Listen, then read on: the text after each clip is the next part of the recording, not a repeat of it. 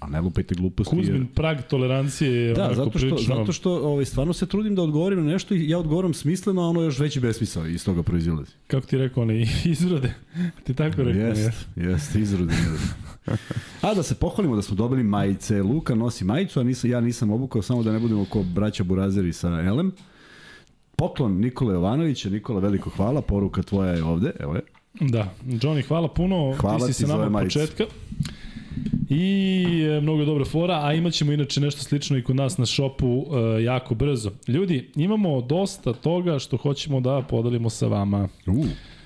Dakle, prva stvar, e, sledeće nedelje radit ćemo ponedeljak i četvrtak, zato što su to 148. i 149. podcast. Zvezda igra u petak sa Barcelonom i verovatno nećemo raditi posle toga, zato što su ovi termini uh, M1, M da bi se tempirao da 150. jubilarni podcast bude u ponedeljak, dakle, plan je sledeći. Sada radimo i odjavljamo Partizan, najavljamo Zvezdu. U petak, to ćemo sutra. pričati. o, da, u petak. U ponedeljak, ako si za i ako ljudi to hoće, da možda probamo da komentarišemo derbi zajedno. U petak? U ponedeljak? U ponedeljak. U 20.30, da. I ulazi nam u termin. Mm, Da razmišljamo o Ajde, tome. ajmo, stavi pol. Stavi odmah pol. Da li su ljudi koji nas prate preko kompjutera i oni koji vole i preko telefona, da li su za, stvari ne moraš sve to da napišeš, nego da li ste za to da pratimo derbi? Da li biste volili da u ponedeljak pratimo derbi zajedno uz komentar. Luke i Kuzme. Derbi ABA lige, da. Da, ne radimo, znači. Ne radimo, ne radimo, da. Da. Tako da postoji šansa da prvi put uradimo ono o čemu što pričali o ranije i da. onda da, naravno, pričamo o meču nakon toga. Tako da budemo sa vama praktično do 8, najavimo utakmicu pola sata ranije i onda kroz utakmicu blejmo, zezanje, ovo, ženske, sve, Da, sve što ide uz to, da. Ženske, klopice, sve, šalim Ste ljudi. ove cheerleadersice iz, ta, sa Tajvana, dakle, ono što sam im poslao?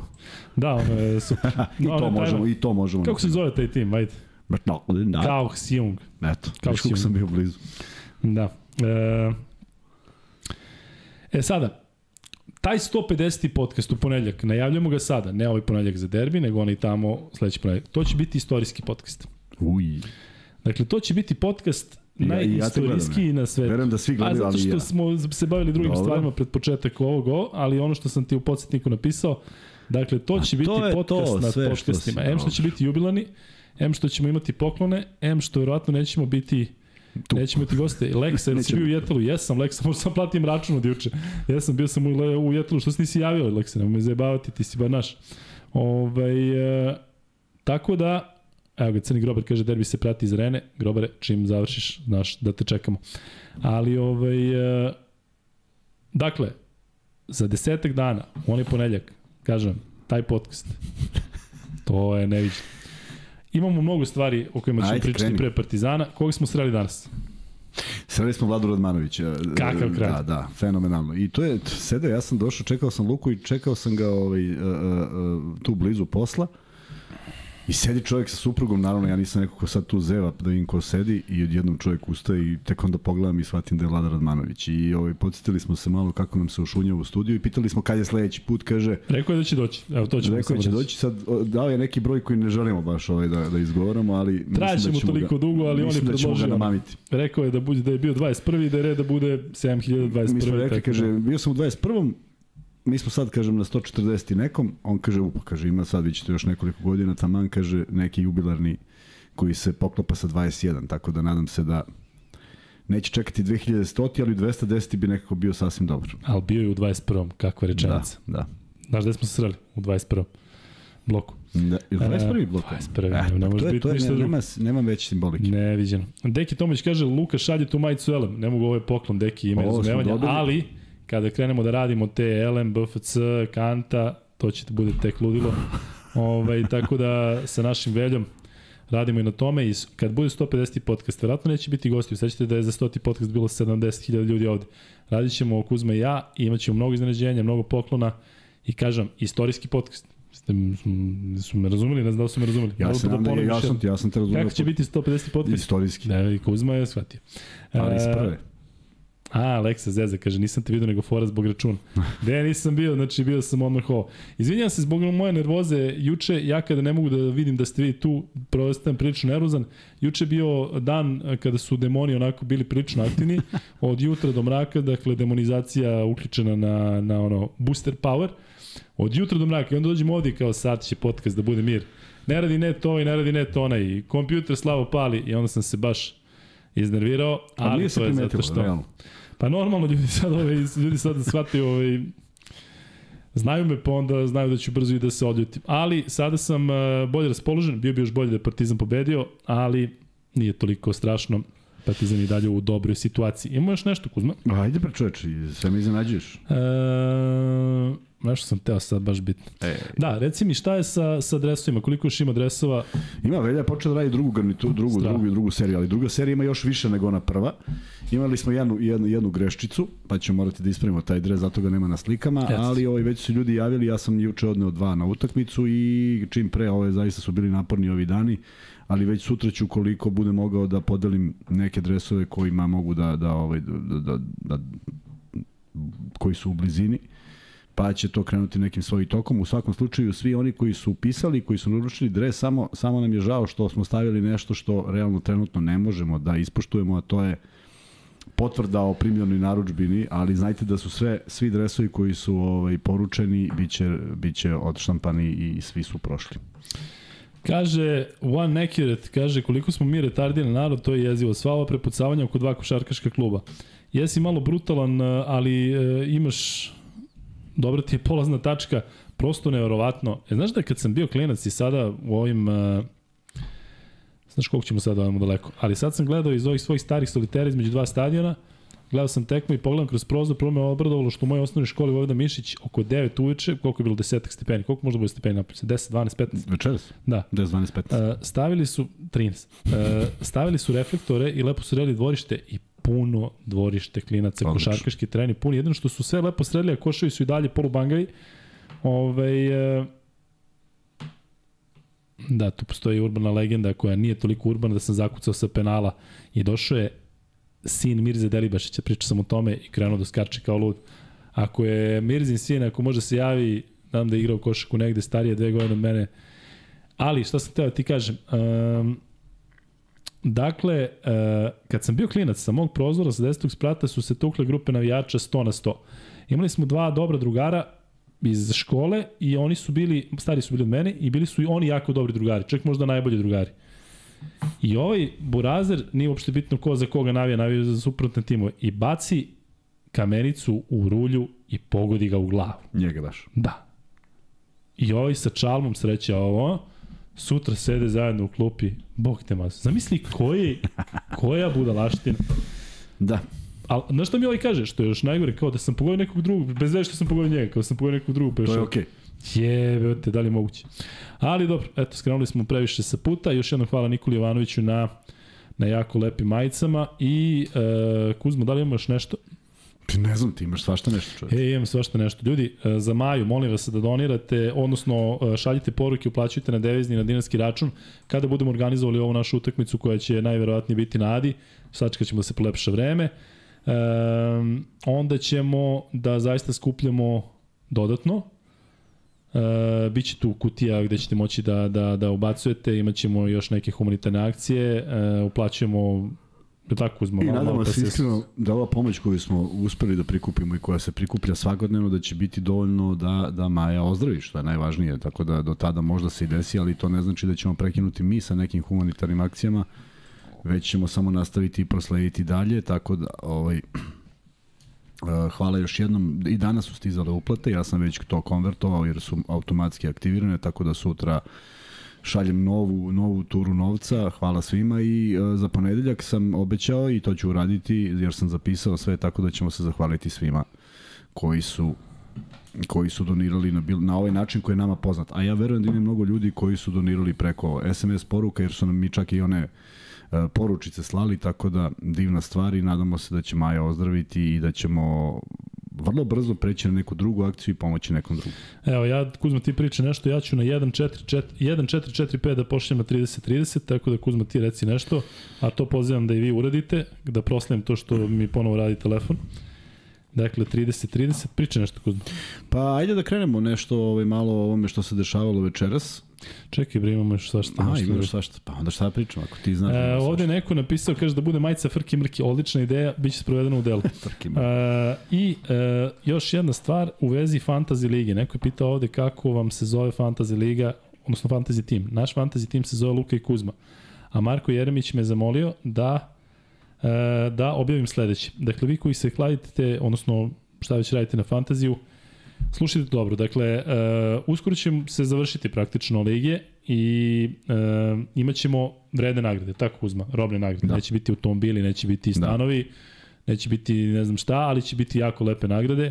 Imamo čak i nekog sponzora koji će to da obezbedi. Tako da ćemo imati uh, sve pobednike u svim ligama i dobit će jako lepe nagrade. Vidjet ćemo da možda častimo i ove drugo i treće mesto. Vidjet ćemo da nešto Mi ćemo nešto, napravit ćemo sigurno. E, sada, Marko mi je javio da postoji ta varijanta, rekao mi je da, rekao sam mu da ne smara tebe, ne znam da, pošto dobiješ zilion poruka, e, da stavimo jedan datum za sve lige, do kada će moći da se primaju novi timovi. Zato što, kako on kaže, nije sada korektno da neko ko je, ne znam, toliko dugo tu, neko uđe, malo ga ubode par timova i onda on posle mesec dana uzme i ovo. Da to bude jednostavno, e, mislim, ja potpuno verujem o Marku, koji kaže ovako, imam jedan predlog za fantasy, da li se slažete da nakon sledećeg kola zatvorimo ligu, da ljudi ne mogu da ulaze iz razloga što je malo nefer, da neko ko ne igra sa nama od početka uđe pred kraj i zauzme visoku poziciju i ukoliko bude nagrada, on, da on dobije nagradu. Ja se apsolutno slažem da sad ne, da se Ja sam mislio to priključuju. nemoguće, iskreno govoreći, da Ja stigneš nemam sa pojma, ja verujem Marku sve. Da, i ja kad, ako kaže tako, onda treba da zatvori i to je to. I on kaže, zvuči u tabelu sa prvih 100 u ligi i zadnjih pet kola ću pratiti da li se neko ubacio naknadno i ukoliko uđe ili ga neće računati ili ću ga izbaciti iz lige. Dakle, Marko kaže ovako, mislim da je najbolje da stavimo samo jedan datum za sve lige, ukoliko stavimo više datuma, bit će ludilo. Zadnji rok neka bude, dobro sad slušajte, 14.3.2023. do 18 časova. Dakle, to je za 5 dana, to dođe utorak do 18 časova i tada će Marko da ovaj e, praktično prekine to ubacivanje novih timova. Svi vi koji hoćete da se igrate sa nama u Luka i Kuzma Fantasy, možete to da uradite do 14. Sam ti rekao da ima mnogo. Je li gotovo? Nije. A, ajde. Omar Gabriel Batistuta kaže, donira i kaže, pozdrav momci, ubi nas 15-0 serija, ubi nas, yes. Yes. Omare. Gledam vas uz komplet lepinju, uživam. Svaka čast, brate, ja sam danas ubio jednu, uh, znaš, ja, znaš šta ja kad dođem u ove, tamo pored sport kluba, uvijek pitam ili ima neki višak, šta god mi kaže, ja to uzimam. Uglavnom bude obično, a danas ima neka punjena, tako da je danas, ove, šta voliš to, od, od toga sa roštilja? Mm, Ti mi dalaš kao neko belo meso. ne. A šta je ono što uzimaš, ona piletina, ona fancy neka? Gde? Odmah pored. Ne, u Fitom, onom fitu je crunch roll. Crunch U tortilji piletina. Moraš ti uvijek da. nešto tako Da, da, da, drugačije. Ja simpatično. kao obično Pa pljesnicu, da, da, da, ti pa, crunch pa ipak to je, to je to, znaš. Jeste. I eto, to je to za početak. Ljudi, evo i Marija je tu. Marija, nije ti bilo neko vreme. Sad ćeš vjerojatno malo da, da prozivaš i tako. Durant završio sezonu. Ne daj Bože da je završio Je sezonu. Ja moguće sa onim, sa onim iskrivljenim? Ne, ne sa tim, nešto A. drugo. Ono, uh, Ono je tako da, on. Luka, kako se zove film koji si sinoć pominjao nemački? Zove se Divele. Uh, a, gledajte eksperiment, da se eksperiment, gledajte nemačku verziju, nemojte da gledate američku, gde nije loša, samo je nemačka mnogo bolja. Tako da se eksperiment i Divele, E, mislim da su mi preze, preveli iz nekog razloga bele košulje, ako je valjda Ne, to prevelo da. talas. Valjda. E, da, znam da ima svašta. Nemci, vidio sam da neko pozdravlja iz Nemačke. Molim vas, šaljite Kuzmi na Instagram. Dakle, ne ovde, ali će sve da, da proleti, vidite koliko brzo ide. E, kako se izgovara pravilno Voigtman? Voigtman, ja ga uvijek znam drugačije i ne mogu da pogrešim. Kada ga prenosim jednom Voigtman, drugi put Voigtman, pa onda Voigtman, kako se izgovara e, Johannes Voigtman, kako god, na nemačkom, da možemo to da standardizujemo u prenosima, baš što se mene tiče, malo, malo pa mi on zapadne i u reprezentaciji i u timu. Dakle, Kuzmi, odnosno Luka i Kuzma, at gmail.com. To da mi javljaju, to da mi javljaju. Da, da javljaju. Sad se da. javi se 300 Ali po srpski, ne ono sa umlautom frki mrki, Sad svi Nemci nego svi. I on se javi, kaže. Izgo, I on kaže u slušajci. Pa je, je lepo, Johannes je lepo Ilija Voigtman. pravi ono? Je lepo pravi? Šta je pravi? Pa uvek ima pred svaku utakmicu kako ko izgovara. I niko to ne gleda. Kako ne gledamo? Što mi ne gledamo to? Ilija, da? Ilija svaki put pred utakmicu ima omiljeni deo koji se naziva kako igrači svoje e, protivničke ekipe izgovaraju svoje imena. Gde to ima? Ne znam, ne gledam baš Kod tu. nas direkt. na sport klubu. Šta dođu na sport klub i kaže? Ne kažu, to je. Euroliga uradila. Svako izgovori svoje prezime. Nemoj izvesti. Pa da. I onda nemaš nepoznanice. A, a pa i sad ovo. Prenosim tenis. Andrej Rubljov. Tako. Svuda pri- prihvaćeno Rubljov. Profesorki Rusko kažu Rubljov. Bio je onaj ikonopisac koji je isto Andrej Rubljov. je li Tako. Jeste i? Na ATP-u imaš stranice igrača gde oni sami izgovaraju svoje ime. I on kaže, Andrej Rublev. Ni- nije normalan čovjek. Jebeš i lebac, ne znam. Znači, svi kažu da je Rubljov i onda on dođe i kaže Andrej Rublev. Eto, pogledajte ne, na to. Ne znam šta ti kažem. E, se piše sa dve tačke ono je? Ne. Ne znam, ima neki nekog đoko gore, ima u stvari ima nešto gore, izvinjam se, ovaj, i to e, Luka, zašto misliš da Partizan drži sve pod kontrolom i da nije bitno što su izgubili kad imaju takav raspored, mogu da završe lako ja top mislim da je, 8? nije bitno, je Biće malo, okej. da, ovaj, malo Kuzma je često u pravu i on je rekao da je 1-1 ok, ja sam zvao uh, ja sam zvao, odnosno tražao sam se da će biti 2-0, šta više 4-0, ali uh, 1-1. Sad se ovde zezdaju Vukman i ostalo, tačno sam znao. Vojšček i ostalo. Odi kus. Ajde. Hvala. E, Luka, da li postoji mogućnost da ti Vlahović komentarišete Partizan? Ne znam, Marko to radi jako dobro, tako da nema potrebe da se to menja. Oni Miće rade studiju odlično. Bio sam ja u studiju na početku sezone. Ovaj, tako da Marko je super momak i jako dobro radi posao i kažem ja tu ne bih ništa menjao. Verovatno bi se naložio na Partizan, ko, ko zna šta bi rekao u prenosu, tako da ovaj, bolje za sada ovako. E, dobro. Ništa. To je to. To je to za 146. Ispričali smo sve. podcast. E, pišite nam kako vam se sviđa miksa. I fizički i ovako. Zato što miksa Ali više dobro... fizički. Da, da, i posebno muškarci, ne devojke. E, dakle, e, Miksa sa nama sada se druži i radi NBA. Miksa, dajmo ga kada na tebe. Sav, sav. Kaže ljudi da ćete banujem zbog ovih psovki. Zbog psovki, da, zezio se dobro. Ali a, inače, banovo si Nenada KG-a juče, nešto je bio sarkastičan, sve okej. Okay, I ne znamo još uvijek, nešto ne možemo da te vratimo. Tako da ti napiši u SMS-ovima ili šalje neke dimne signale, dok ovaj, e, to, kad te jednom banuje, banuje te valjda za svak. A možda za sam ga sve- stavio na timeout.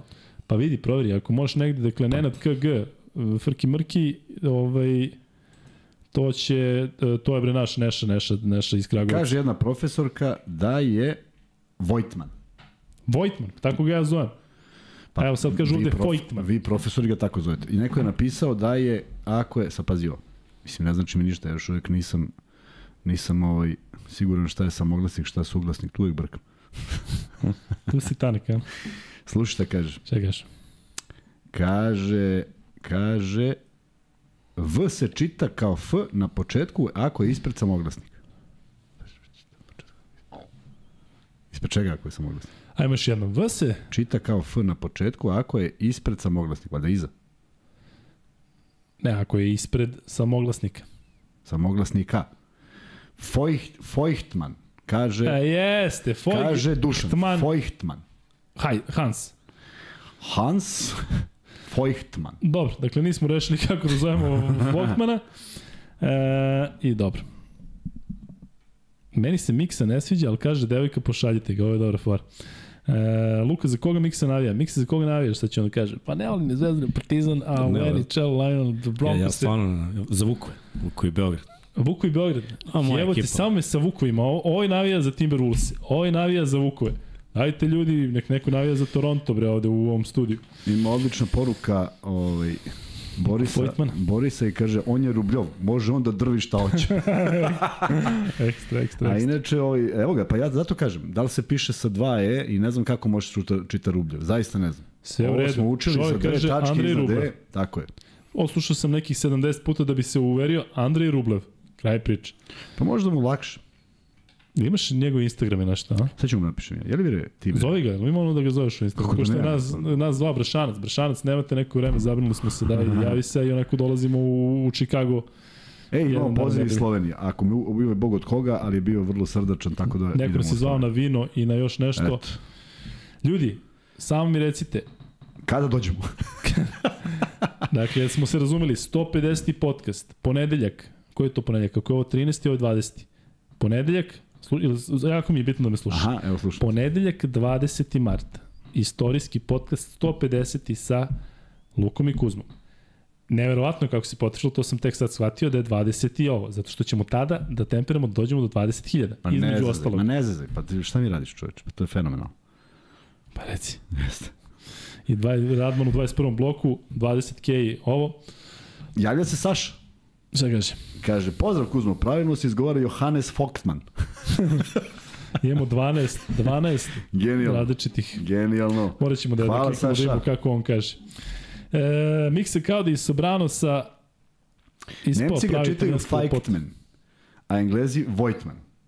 A kako ga sam I na Madagaskaru? nam je, I poslao nam je zvučnik, kaže i vidjet ćete. Znači ima negde da piše, pa mi kao kliknemo, samo ja ne znam da li to radi ovde. Tamo vjerojatno će da izgovori Andrej Rublev, što god da klikne. Dobro, idemo dalje. Dakle, neko šarkaški podcast sa Lukom i Kuzmom se privodi kraju i krećemo da pričamo o Partizanu. Ajde. Još jednom, 20. marta, istorijski podcast, 150. sa Lukom i Kuzmom. Ja mislim da smo izgubili jedno 200 fanova i subova Pa, i lajkova. i gledaš neko? Ne gleda niko. Evo, ovi gledaju sad zbog mikse, ovi, ovi miksi ni Pišu fanovi. mix. E, dobro. Aj E, malo Kuzma, da, da ovaj, malo je bilo ovako zabavno, iako nije toliko zabavno što se rezultata tiče. Šta je bilo smislu- zabavno ovde, Labati? A nije bilo zabavno. Ja sam mislio da je bilo Utakmica? zabavno. Ne, ovo sad što smo pričali. Ovo je bilo najjače ikad. Pa da se vratimo u taj mod ovaj, jednog, jednog lošeg izdanja. Ovaj, ne, ne nečega što je bilo što na primjer nije bilo po mom ukusu. Uopšte mi nije problem da gledam takvu utakmicu Da, i ti voliš te... i, i bila je 12, tvrda 11 četvrtina. i mislim da je da je ozbiljan problem za za bilo kakav prilazak košu bio u prvom poluvremenu za Armani Jeste.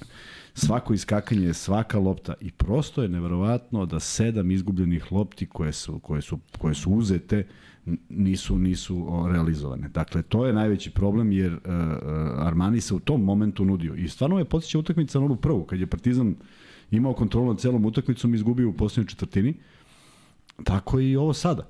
A, Doduše sad je veća razlika, ali prosto ta serija 15-0 koja se desila sa kraja, prv, sa kraja treće i početka četvrte je, nije mogla da bude nadoknađena. Ono što mi je upalo u oko odmah na početku uz to dobru odbranu da je jedini igrač koji je bio raspoložen u tom momentu bio bio Panter. I to je dobra stvar, ali niko drugi nije ušao u utakmicu, boga mi dobar Jeste. dobar period. I čekali smo ih i nismo Tako dočekali. je, i nije se dočekalo. I to 5 bude od 7 problem. imao Panter e, u jednom trenutku za 2. Tako je, I to tako su je. sve bili ok šutevi. Tako je. On je i dao uz faul, dakle je, njegova ali polu sve on distanca, radio i- sve je bolje dalo. Jeste. I, on, I niko drugi nije. Uh, uh, nije bilo mnogo nije bilo mnogo ideje u napadu Armanija, kažem zbog toga što je uh, odbrana bila takva. Ono što smo pričali juče, ako sećaš koga smo spominjali, i Šilca i Luvavua, ništa to nije ispostavilo se da je Tonut doneo neku promenu u drugom poluvremenu, Riči onom jednom trojkom i još nekih par stvari koje je dobro odradio. Ali, I Beron je onda odjednom nešto E, ali se čekala ta neka, neka petorka. I kažem, Partizan nije iskoristio tu svoju prednost u tom delu. Na kraju je završio sam, ako sam ja dobro video, onu posljednju statistiku, 17 izgubljenih lopti. I 8 asistencija. I samo 18 osam, da. izgubljenih i 8 asistencija. Prosto nevjerovatno. E, zaista. to je, to je, da, zaista neverovatno. U jednom momentu su imali tri, četiri, od čega je Panter imao tri i, i, i Lede jednu.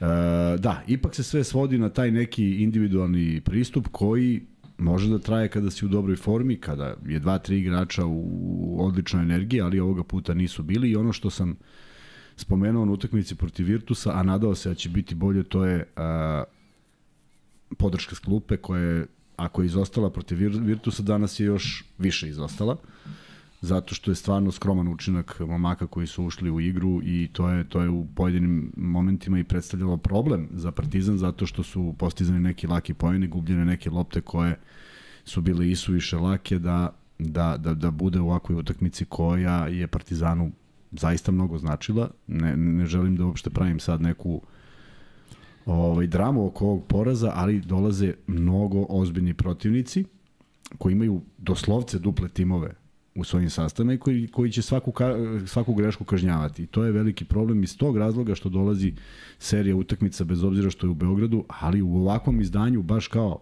Zvezde protiv Albe i Bajerna, ne može da se očekuje mnogo. Međutim, a, Obradović je bio drugačiji na ovoj utakmici nego protiv Virtusa. Video si da je od prvog momenta kada nešto nije bilo, kad su prvi faulovi napravljeni i Panter koji je, mm, ajde da kažemo, uradio ono što treba da uradi, napravio dva faula, a postiže sve te poene, dolazi u problem onaj moment kad bude morao da izađe iz igre i stvarno nije imao ko da ga zameni. A, s druge strane, vratio se Pengos i on je meni nekako fenomenalan igrač, pogodio je kad je trebalo. Tebe on suprotno od onog Pulena i Da, da, da, Ferela pa, pa, pa i Adams. koliko, je, znaš, koliko je trezan, koliko je racionalan, koliko sve to što igramo je neke divne asistencije. Ovaj, I predstavlja ogroman problem, defanzivno nije uopšte lako da, da, ga, da ga čovek obiđe i mislim da su pre svega dobro odradili odbranu na, na egzum. Dakle, potpuno neprimetan je bio. Kako su ga čuvali Kuzma? Pa, samo su zatvorili- ono što si ti govorio ili samo bila agresivnija ne, odbrana ne, i malo, malo su, malo su da agresivnija odbrana, povukli su se i zatvorili. I ud, tako je. I onda on kad baci pas, video si nekoliko puta da on ima odlučnost da šutne tu neku dugu dvojku. Jeste. A onda je šutno trojku i pogodio. Pa on mora nekoga da, privuče, da, da izvuče da bi mogao da prodre. Faktički utakmica bez njegovih prodora. Oni koji su bili, bili su sankcionisani. To je bio je faul i sudije su to svirale, ali tačno onaj neki recept kada Partizan gubi 14 ili 11 i prosto ne mogu da daju koš iz igre. Ne mogu da vežu seriju nekih lakših poena nego su stalno u liniji slobodnih bacanja.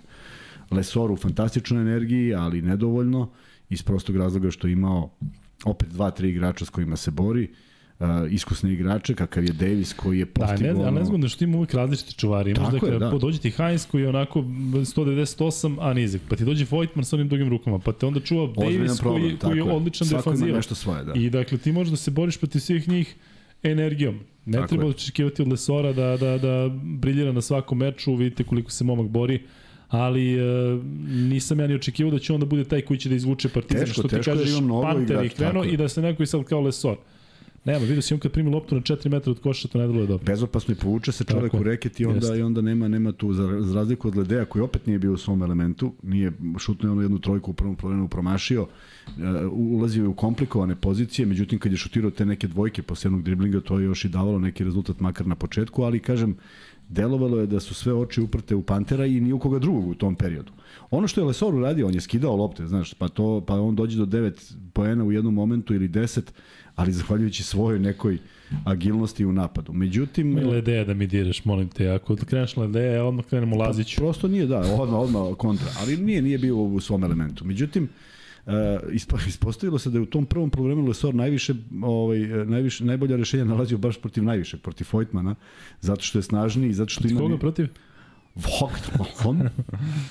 I uh, međutim što kažeš kad god se promene to je neka drugačija koncepcija i ono kad su kad su kad su kad su pomagali ostavljali su ga na tih 4 metra odakle je on tražio neka neke rešenja a Uh, ako je nešto uradio Tonut danas, to je da je ipak ovaj, bio dovoljno dosadan i uporan na Panteru, koji se nije nadavao u drugom polovremenu. Mislim da je dao 4 poena, ako se dobro sećam. Ko Panter? Da.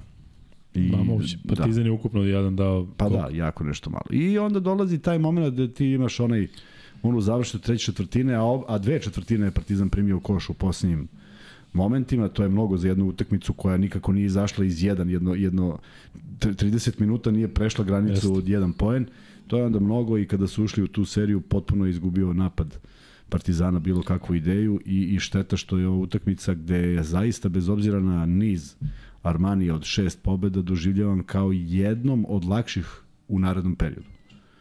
I zato je šteta. I zato mislim da je ista ona, ono, ono, ono e, da, da, da se razumemo, može da bude pad energije od nekog umora, od istrošenosti, od angažovanja protiv Virtusa, sve je to okej. Okay. I zato i kažem, možda ne bi neko rekao da je ovo lepa utakmica, ali Partizan je ipak imao kontrolu nad utakmicom e, dovoljno dugo.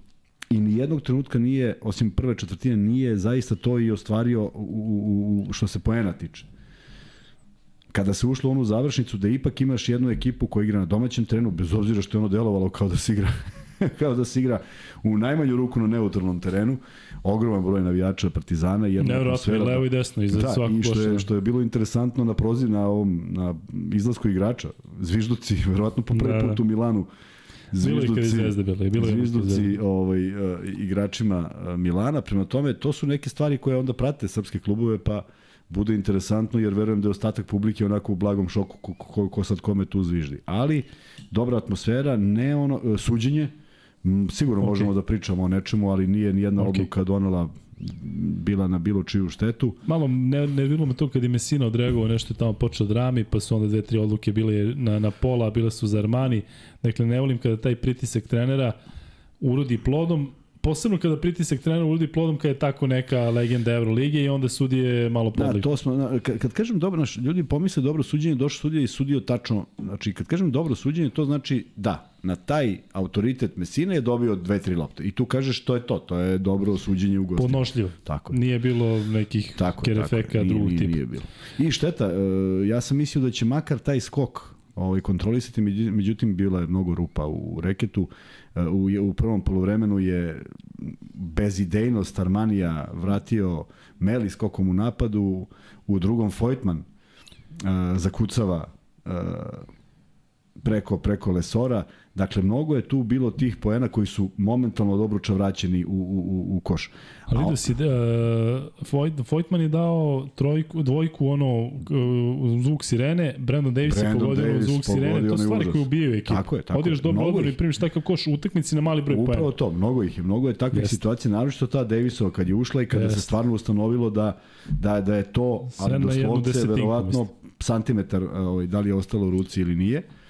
I uh, jedini segment, ako se ja, ako se ja dobro sećam, bio slobodna bacanja na strani Partizana, ali prosto uh, delovalo je da, da tačno znaju šta rade igrači Armanija i sekli su, ako, su, ako je bilo potrebno, sekli su video si sa četiri faula u prvih minut bilo koje četvrtine, pa slobodno bacanje i kažem, to je jako teško da se uđe u ritam košarkaški i da se poentira u nekoj seriji poena. E, Dobro Tauron pripremljena utakmica svakako. e, Tauron Boy je donirao i kaže ljudi šta je ovo danas bilo sa Smajlijem, ja kao zvezdaš sam se popizdao, mogu da zamislim te grobare, doćemo do Smajlija kada budemo pričali pojedinačno o igračima.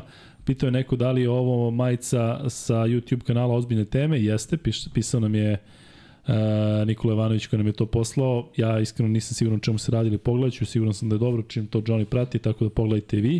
Uh, znate za pravilo da kada dođemo do 500. lajka da ćemo da ispucamo prvi free bet i prvi free bet će naravno biti u vezi Partizana, drugi vezi Zvezde kada budemo najavljivali Zvezdu i treći će da bude neki neko šarkaški pri kraju podcasta. Ono što sam takođe hteo da kažem to je da e, me prilično nervira podatak da taj Armani, koji je tokom dobrog dela sezone bio kanta ekipa, svakim čast imaju šest pobjeda. Znaš koliko ukupno imaju pobjeda, Kuzma? Ko? Armani. Ne znam. Sad ću ja da ti kažem. nemoj Da 12. brineš. 12. Od toga šest u nizu. A št, kao, št, Šest od šest? ali šest u nizu, a od tih 12 pobjeda, koje su četiri pobjede? Zvezda. I Partizan. A, pa da. Je, yeah, da li je moguće to? A jeste, da. 4-0 ima Armani protiv Zvezdi i Partizana. Da, Da Nažalost. čovjek ne poveruje. Znači. nažalost. Ali dobro, šta da se radi. E, možeš da ugasiš ovaj pol miksa, pa da vidimo šta ljudi vele. A znate šta ljudi vele? Šta kažu, hoće da gledaju. Pa naravno. 85% da, Kuzma. Morat ćemo u ponedljak da budemo ovo ono. Vrki mrki. To su rekli. 85% O, hoće. E, neko je ovde pisao nešto što već znamo da neće moći da se usaglasi e, ton i da će biti delay i da ćemo mi go, ono da komentarišemo to kasnije, ali dobro. Evo imam jednu poruku Miodraga Ajde. Rešanovića i kaže ovako, ima tri karte za derbi Partizan Zvezda. Hteo je da ide sa partnerkom i njenom čerkom, ali su se razbolili i ne veruju da će se oporaviti do ponedeljka. Miksa idemo. Ja Voleo bi da pokloni ili da proda za lečenje Maje, Dio. Ali naravno želi da budu navijači Partizana, pošto i sam navijač Partizana. Karte su nivo 400 jug, tako da ako ima zainteresovanih koji navijaju za Partizan, ako hoćete ti miksa da idete, eto karata. Ne, znaš šta možemo da uradimo? Možemo Ajde. da uzmemo da te karte poklonimo i da napravimo neku nagradnu igru, a da onda mi doniramo iz Luka i Kuzma da doniramo u to ime za Maju. Znaš, to bi mogli da uradimo. Pa naravno da. Da, ajde smislit ćemo, da. smislit ćemo za sutra. Recimo to, hvala tebi puno. Miki donira i kaže pozdrav za brata Miksu, najboljeg producenta iz malog studija na Karaburmi, što vam je Vanja utekao, kidate kao i uvek momci. E, Miksa ima ovde svoje botove, to sam provalio ovde, svaki drugi komentar za Miksu je. Da, ajde, Svi- ajde kao da, da, da batalimo ovo. Miksa, Luka i Kuzma. Je, to je nevjerojatno.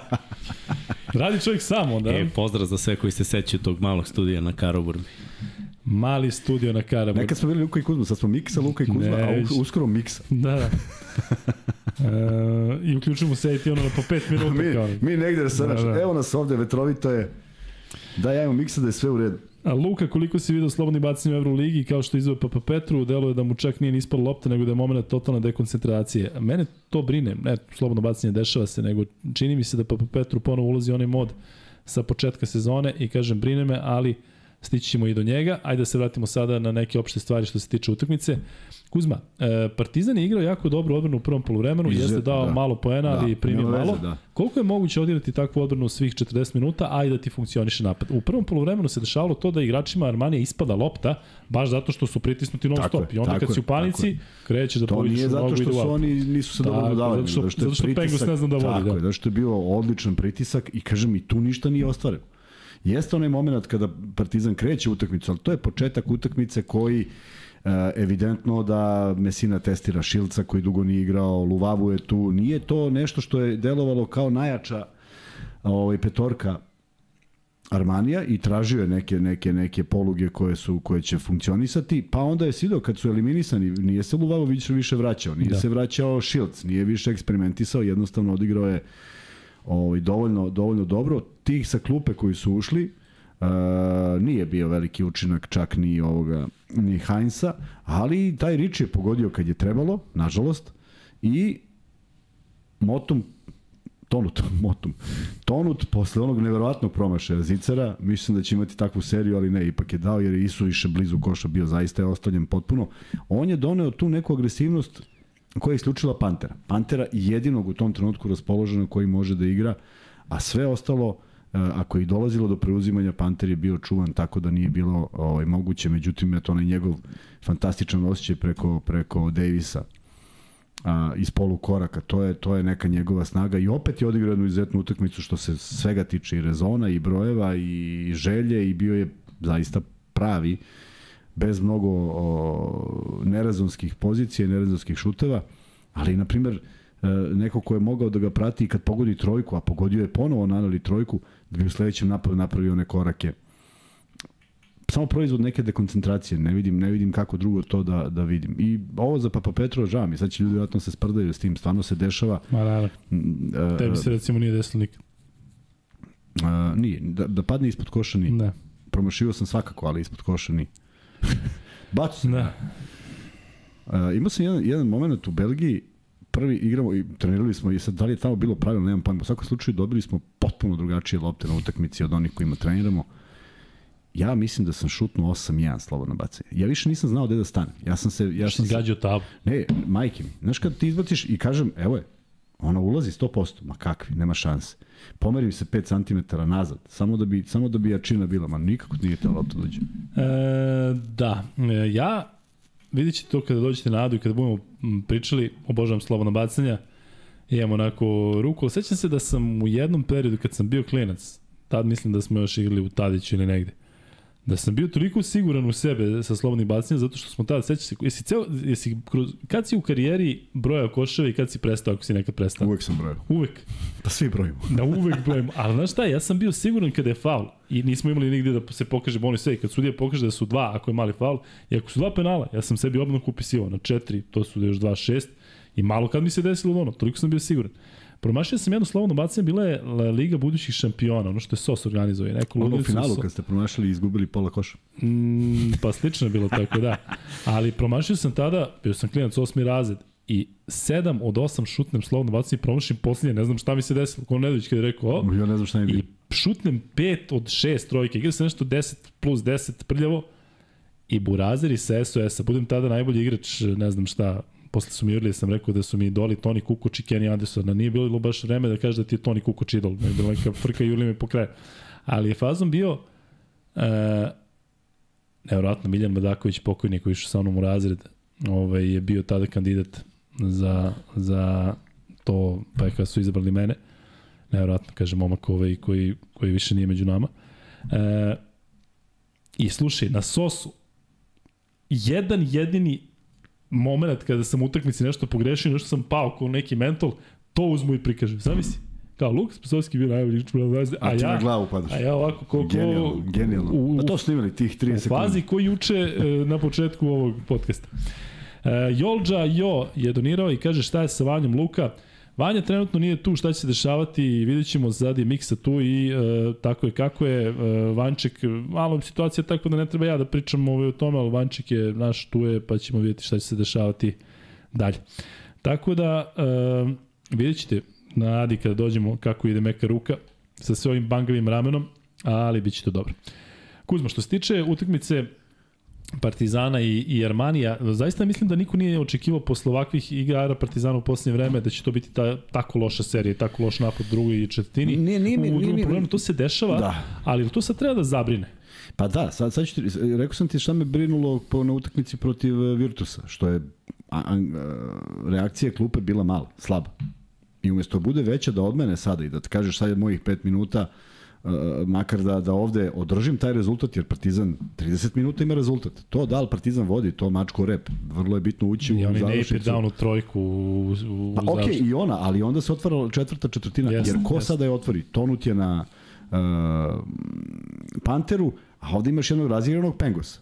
Pengos koji je odlično čitao napad, odlično čitao, pogodio neke stvari koje, koje zna da pogodi, asistirao i lopta je išla brzo. Video si par puta u, da ljudi ostaju sami u reketu uh, zbog loše komunikacije u odbrani. Naravno, moralo je dođe do nekih izmena koje apsolutno nisu donele uh, neki kvalitet. Pokušao je čak uh, Obradović da krene sa Tristanom Vukčevićem, nije to bilo ništa sjajno, ali je ostatak ekipe igrao dovoljno dobro da se opet stvorila kakva takva konfuzija. Ako ništa drugo, ti faulovi su bili korektni, pa nije bilo nekih lakih poena Armanija, međutim, kako je vreme odmicalo, videlo se da dobijaju više na samopouzdanju.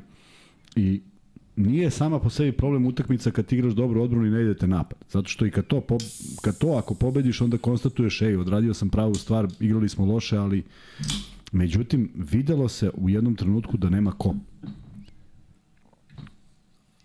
Prosto, znaš, m, pogledaš tu petorku na, na terenu i pogledaš ko može da uđe da donese nešto i ispostavilo se. Andjušić ponovo nije igrao, je tako? Znači, to je opet verovatno odluka Obradovića, ne da se desilo nešto umeđu Mislim da vremenu. nije njegova, ono kao, ne bih.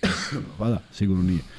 Uh, veliki izazov je bio za Pantera, koji je pokazao i malo i Milanu kakav je igrač. Nažalost, Ledej nije to uspeo. I kažem, kada se sve svede na Pantera i Lesora, a svi ostali budu... Um, čak, pogledaj, ako možeš da vratiš onaj film kada Partizan u, na kraju prvog polovremena promašuje tri šuta gde se oslobađaju i Papa Petru i, i Madar i Ledej. Oslobađaju svojih protivnika, ali to ne završava u košu. Pritom opet bez neke asistencije, opet bez neke, nekog protoka lopte, tvrda utakmica i samo sam mislio da ako već guraju tako neka izdrže koliko god mogu, međutim Napier je nešto doneo novo, Kako ti je delo Napier? Mm, ništa specijalno, zaista. Mislim, on Ti je... bi držao pan, Pengosa više u igri nego njega. Mene bi Pengos igrao kako hoćeš. Ali vidiš, on je dovoljno sposoban da uputi jedan takav šut koji nema nikakve veze sa... sa on, nije oslobodio se, on, on se nije oslobodio Lesora. On je samo šutnuo Jeste. jer je otišao još korak dalje. To je toliko jedna teška trojka i završi u košu.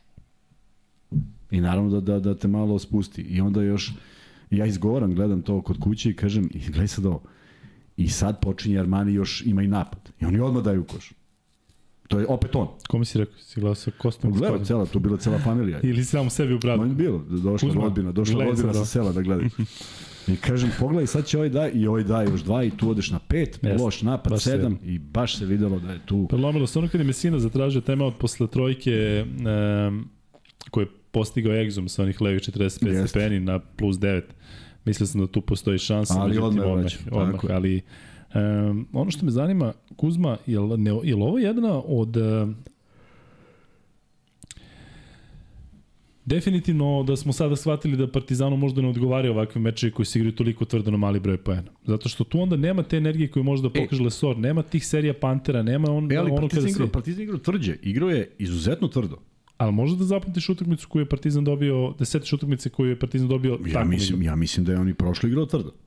Protiv Virtusa. Jeste, ali, ali se ipak, Ali napad- ipak su bili serije. Tako je, ali ovde, ovde prosto nisi imao to. Da. Čak, čak, čak, ako bi e, kategorisao odbrane, mislim da je jača Partizanova odbrana bila. Mislim da nije toliko čvrsta odbrana, odbrana Armanija u tom početnom i Partizan zato i jeste vodio. Međutim, probao je Mesina sve, igrali su, ja mislim, svi igrači i onda je našao neku dobitnu kombinaciju gde su posle kozmetičke izmene bile. I, i ti kad na klupi imaš ovo što kažeš, 3-4 različite igrača na poziciji 5, pa svaki uđe, pa ti sad prilagođavaj se njemu. Ne može Lesor da bude, ako je za nekoga nezgodan, ne može baš za sve tipove igrača da bude nezgodan i nije, a troši se kad igra protiv bilo kojeg. Tako da Davis je e, našao neka rešenja, pa čak i taj koš koji je pogodio verovatno narednih 100 ne bi ne bi ušli u, ušle lopte na taj način, ali a, tako je kako je i kažem nije bilo dovoljno svežine i nekog samopouzdanja u napadu Partizana pre svega. E, da, bilo je ovde već nekoliko interesantnih pitanja, pitate o igračima, pa, pa Petru, pominjete još neke, doćemo uskoro do, do e, tih pojedinačnih e, procena šta je ko uradio. A onda ti kažem, kad, kad tako nešto se desi, onda se desi onaj, ono neverovatna stvar, da Panter u punom trku izabere, čak i logično, desnu stranu jer naleće igrač koji je desnoruk i, i, i ni taj pas- nije prošao. Znaš ono kad, kad, kad, kad, kad te krene baš sve bez veze. Dakle, on nikad nije bacio tako spor pas. I to je bila jedna dobra kontra. Neko je uspio da stigne Pengos, ja mislim da preseče ili tonut. Tako da, kad neće, neće. Vidim da ste već nekoliko puta ovo komentarisali, e, ali hoću evo ja da odgovorim na to, doduše meni pitaju. Kaže, Luka, šta misliš, da li Kuzmino raspoloženje zavisi od učinka Partizana ili sam samo ja to primetio?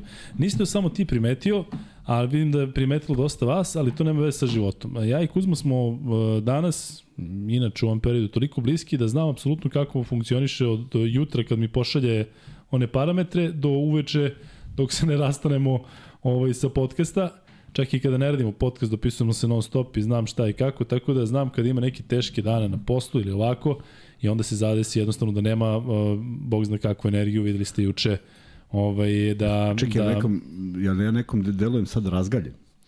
Pa verovatno deluješ bolje nego kad je Partizan uh, pobedio Virtus. Sad ljudi vole da se hvataju za, za to kao onda je bio Hvatajte smoren. se ljudi za šta god želite, Ali, slobodno. pa, kažem, videli ste ja juče, ja sam juče poludeo zbog interneta i sad će neko kaže zato što je Zvezda izgubila, ja ne mogu da vidim ovde da li šta pričate. Ljudi, ako nema ništa pametnije, hvatajte se za to. Ali ima ima nekih isti uh, isto nešto ljudi što su primetili, ali ima naravno smisla no, za razliku od ovoga.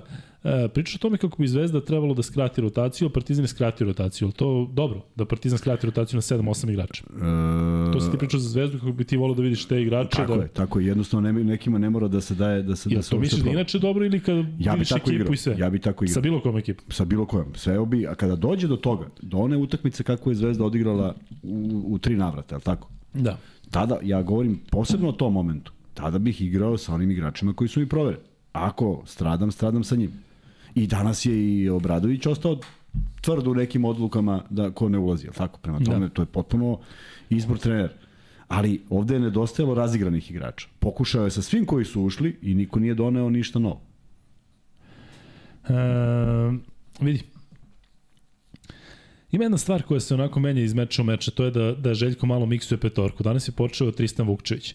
E, je li to neka vrsta eksperimenta u smislu da ga proba pa da vidi kako će da krene? Sveća se da je bilo mečeva gde Madar počne pa izađe posle 3 minuta. Zato što Partizan, koliko vidim, stalno počinje sa nekom petorkom gde ima neko iznenađenje. Da li je to možda iznenađenje i za protivnika koji skautira na početku ostalog, nekoga, jeste. a imaš igrača koji Tako je. potencijalno može da krene? Tako, između ostalog i kažeš i to razgovaraš dan pre utakmice i kažeš slušaj, moraš, mora to, to, to, to i to. I to su neke direktive koje su vrlo česte, vrlo mm, aktuelne, skoro svaki trener ima uvek neko takvo iznenađenje, da vidi kako će neko reagovati. Jer, e, može da bude brzina presudna, može da bude ta visina, može da bude neko iznenađenje u kretnji na koji protivnički igrač nije navikao. Ipak svi gledaju Lesora, svi koji igraju protiv Lesora, gledaju Lesora. Kad se pojavi neko na drugi, na, na, na mestu centra, malo je drugačije, ne znaš u startu šta treba da radiš. Možeš ti to da proceniš posle određenih e, napada, ali u prvom trenutku bude dosta zbunjujuće i sad kako god glupo zvučalo, Tristan Vukčević je bio na parketu u onom momentu kada je, kada je Partizan dobro otvorio utakmicu. Da. da li je to razlog? Da li su oni počeli da igraju nešto drugo malo iz, iz, iz nekog e, m, baš iz tog razloga što ne znaju kako da reaguju, ne znam, ali da je bio konfuzan napad Armanija na početku jeste. I videlo se da da, da Mesina želi Šilca da vrati, to su bili neki izbori šuteva koji nisu baš ovaj, u, ono, po, po, knji, po, po knjigama, uzimao je šuteve čisto da bi pogodio nešto pa da stekne samopouzdanje, međutim, o, ovo o čemu pričam, više se nije vraćao. Jednostavno proba je bila, nije uspela, sad se ja vezujem za one kojima verujem i to je to. Ba na ovo što si poručio Marku Lahoviću, siguran sam da je dobro namerno i on verovatno gleda, s obzirom na to da znam da prati, osim ako ne uspaljuje čerkicu ili ako nije nešto umoran. Tako da ako ne gleda, e, preneću mu ja. E, Luka, ne znam da li ste primetili, ali mi deluje da je Messina iznenadio sa stavljanjem u odbrani Melijana Lesora i Fojtmana na Ledeja. Pa nije mi to toliko uh, iznenađenje, zato što Fojtman generalno voli da igra Da, spolja, malo dalje od koša i u odbrani i u napadu. On ima najveći problem kada je sa Lesorom ostaje. A, Les, a na, na Lesoru smo videli da su volili malo da miksuju i to je vjerojatno bio deo taktike. Ono što je mene iznenadilo to je da sam video često Papa Petrova na Napieru i to me iznenadilo da ga on juri zato što je Napier mnogo brži, nisam očekivao da će Pa da je Napier ništa nije uradio u, prvoj, u prvom poluvremenu da kažeš da je naudio nešto ozbiljno Partizanu. Nije.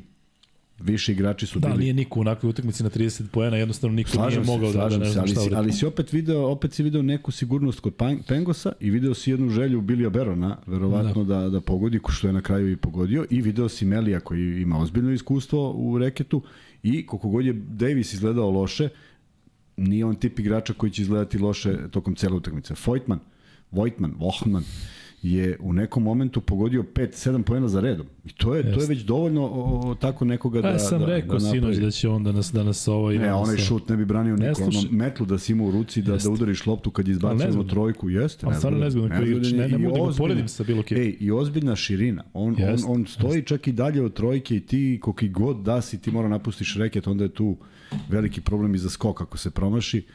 Tako da ima, ima, ima Armani apsolutno čime da napada i nije ovih šest pobjeda slučajno, da se razumemo. Samo je ovde moglo da bude još jedno, ne iznenađenje, nego još jedna tvrda utakmica koju je Partizan makar u tri četvrtine pokazao da može da pobedi. Četvrta je baš, baš, baš bila loša. E, za navijače Partizana imam poruku, dakle, mnogo verujem mom kumu koji je dobro do svašta procenio, koji je veliki partizanovac i on kaže, ljudi, sve je okej. Okay.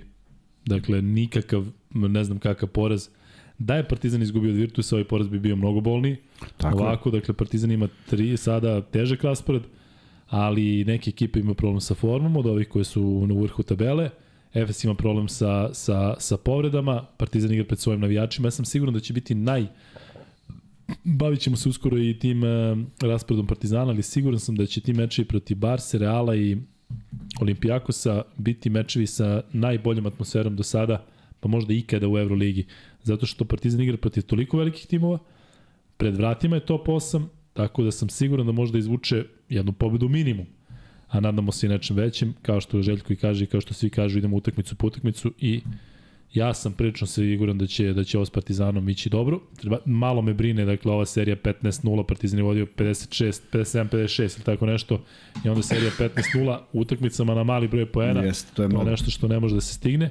Ono što je meni zasmetalo, to je u toj drugoj četvrtini, mislim, sad ja da pričam, pa, ispaši kao da pričam protiv Obradović, ali meni se kao gledalcu, kao navijaču nije svidelo u jednom trenutku kada je petorka na terenu bila Papa Petru, Madar, Smajlagić, Trifunović i Ledej. Tu je jedini Ledej koji može nešto da iskreira jedan na jedan ili bilo kako. Dakle, svi ostali su nesigurni u ovom trenutku. Dakle, ti Madara može da pogodi, Trifunović može da pogodi, ali dugo nije. Smajlagić je već u tom periodu utakmice bio malo nesiguran, vidi se da hoće mnogo, pa se bacaka, pa mu ispada lopta. I imaš onda Papa Petrua koji takođe u slaboj formi. Ne vidim tu igrača koji je mogao da veže dva napada e, da oba realizuje. I onda mnogo sam sigurniji kada je tu ili Exum, ili Panter, ili Exum i Panter, ili kada je Lesor koji može da pokupi neki ofenzivni skok. ali Bio ti- to period kada je i Partizan od plus 9 imao je razliku i kada je, kada je dozvolio da se ovi vrati. Jeste, ali imao si problem da je Panter u tom trenutku imao dva faula, minimum Jeste, dva. ali I sad je Exum? nekom, tako, sve, sve stoji. A Exum nije bio u igri. Nije bio u igri, ne u igri fizički, nego nije bio, ništa nije uradio od tog momenta. Ali Kuzma, kom je predao loptu kada nisu u igri? Dao bi loptu, ali... Exumu ili bilo kom iz Sigurno, Sigurno, sigurno što, sve stoji što kažeš. Međutim, imaš ideju da uh, potpuno razmontiraš igru protivnika. Dakle, u tom momentu i kažeš, verovatno direktiva, slušaj, možemo da, da, da, da igramo Madar i Ledej kao dva potencijalno, verovatno, dva, dva igrača koji toj petorci treba da rešavaju, ali u odbrani nećemo primiti koš. Moraće na liniju slobodnih bacanja, znači možemo da budemo u tih minut i po, dva, tri, možda možemo da dođemo e, na plus 2, minus 2, ali ne, ne može bude minus 18 sa direktivama koje ima. Međutim, ništa nije išlo u tom momentu i tu se i Armani vratio i imali su priliku da odu i sa većom prednošću, ali srećna okolnost, pa nisu. Međutim, sve to do onog momenta, do tih 30 sekundi faktički treće četvrtine i ta trojka koja je očigledno negde uticala na to da Partizan ne izađe na četvrtu, u četvrtu četvrtinu ni u približno istoj energiji, a nekako je sve moralo da bude baš svedeno na taj moment zato što je tada potrebno obstruirati igru maksimalno, slati ih u, u nove napade, lopta sa strane, faul ako je potrebno na, na, na, na šutu, a ne onako lako da poentiraju, jer mislim da je to nekako najlakši moment bio, na, a, najlakše su poentirali igrači Armanija u, u možda i najbitnijem momentu kada su se odvojili. Kuzma, pitaju te ovde da li se sad igraju nešto zbiljnije odbrane kada Euroliga ulazi u završnicu. Si primetio možda to? Ne, nisam. Ništa, ništa. Nisam. Ovo, ovo je takva specifična utakmica. Uh, nisam, evo juče sam gledao utakmicu Zvezda Efes, ne deluje mi da je bila spektakularna odbrana, naročito ne od Efesa, ako primiš Da. da. 94 poena, ništa to nije spektakularno.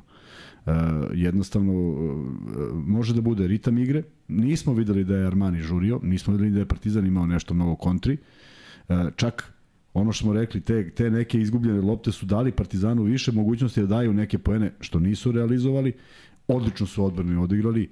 Oni pasovi kada Meli doda nekom u reketu, to je sve iznuđeno i, i fantastično su reagovali uh, što se tiče uh, ovih niskih igrača koji su skakali za te lopte, ali nije nisu postizani poen. Jer je u tom periodu, ponavljam, jedini opasan po koš bio Panter i, i naravno da nije moglo sve na njega. Da, imamo pozdrav iz Osijeka, Damba donira i kaže pozdrav i podrška, top ste. E, hvala puno Damba, veliki pozdrav za Osijek, jedan od mojih najboljih drugara iz e, Amerike, Dragan Stojanović je iz Osijeka. Hvala njemu i njegovi porodici što smo odgledali mnogo, mnogo mečeva Sakramenta. Oni su u tom periodu, nije bio ovaj NBA League Pass, nego je, mogli ste da uzmete kanale, 15 kanala i na svakom imate NBA i koštalo je 147 dolara, sećam se, te 2003. četvrte. E, žao mi je što Osijek igra ovako loše u ABA 2 ligi. Vi ispratio sam danas ovaj meč protiv Širokog. E, I e, da, neki 50 poena. Budimir i oni Bradford jedino igraju, niko drugi ne igra, tako da žao mi je. Mislim da Osijek ima samo jednu pobedu. E, vraćamo se na Partizan. E, Kuzma, Jel imaš nešto što, što te iznenadilo taktički sa jedne ili sa druge strane, zato što znamo da Mesina i Obradović vole da se, da se nadigravaju, tu Tako ima je bilo nekih utakmica i šta je to? Čini mi se da nije bilo ništa konkretno što je prelomilo. Jednostavno Partizanu nije išlo, ušli su u neku lošu seriju. Moram da skrenem pažnju da je u prvom poluvremenu bilo minimum tri trojke Partizana koje su šutnute i koje su izašle iz koša i to je nešto što je možda u tom trenutku moglo da donese Ti stekneš, dakle, faul, ne stičeš sigurnost u šutu. Avramovićeva ona trojka, Jeste, pa mislim Ledejeva. jedan Nanelija, Ledej Jeste. i izlazi, čak, sećam se ono, izađe. izađe i onda i kako izašla iz koša Lesor da je uhvati i njemu i tako ispod nizde ruke. Tako da, e, mislim da je morao Partizan bolje da iskoristi ono prvo poluvreme Upravo, kada je upravo, Armani da, ono šutirao loptu u aut i panika sve i onda drugo poluvreme počelo kako je počelo i kada je pazi, kad pogledaš stvarno tri, Vojtman u prvom poluvremenu uz e, zvuk sirene. Jeste. Ovaj pogodio Davis u zvuk sirene i onda Napier ti da trojku na, na, na kraju treće četvrtine. To je 7 poena ozbiljnih Tako je. Tako je. za, za ovakav Za ovakvu utakmicu da si ti na 39 poena u poluvremenu. Tako je. Da, uh, nisam, nisam gledao ništa spektakularno, osim što, što, što mislim da je, ako pričamo o energiji Partizana, bilo izuzetno, što se tiče odbrane. Dakle, odakle je sve polazilo. Šta je, šta je, zbog čega je napad bio taj koji je trpeo i kad bi, ponavljam, kad bi poredio agresivnost obe ekipe, dajem prednost Partizanu, jer su apsolutno sve igrači izbacivali sa jednim fenomenalnim a, ne preuzimanjem, nego jednostavno su pra, sa praćenjem Lesor izlazio jako visoko i izbacivo playmakere skoro do out linije, brzo se vraćao i uopšte tu Partizanova odbrana nije trpela. Jako su dobro rotirali, pokrivali sve, ali nisu u prvom polovremenu uspeli da vode 10 razlike, što bi sigurno poremetilo i igru Armanija i onda bi Armani krenuo da juri nekim bržim napadima, što bi Partizanu apsolutno odgovaralo, jer ako se izuzme Beron i taj Napier koji je pogodio na to, nije baš bilo onih dalekometnih e, trojki svih ostalih igrača. Naprotiv, nije, nisu bili ni približno nekim procentima, ali nije to iskorišćeno i nemam, nemam utisak da je sad tu bilo nešto što, što, ni, što jedan od dva trenera nije očekivao. Samo je bila prosto tvrda utakmica spora, neka utakmica koja se pamti samo dok traje, dok ne svira sirena i posle toga više niko se i ne sjeća šta je bilo, ali I mislio sam da će biti takva utakmica i da niko u Partizanu posle pobede eventualno neće pričati o toj utakmici jer e, ozbiljna je razlika između Partizan Virtus i Partizan Armani bez obzira na važnost utakmice i bez obzira ko se šta kome dopada, ali prosto ova utakmica u Bolonji bi se pamtila, a ova utakmica na ovaj način da je po- pobeđena tih pola koša ne bi niko ni, ni, ni se setio da postoji. Velika šteta zaista za Partizan, pošto u ovakvoj atmosferi nije uspeo da tu mini italijansku turneju završi sa dve pobede.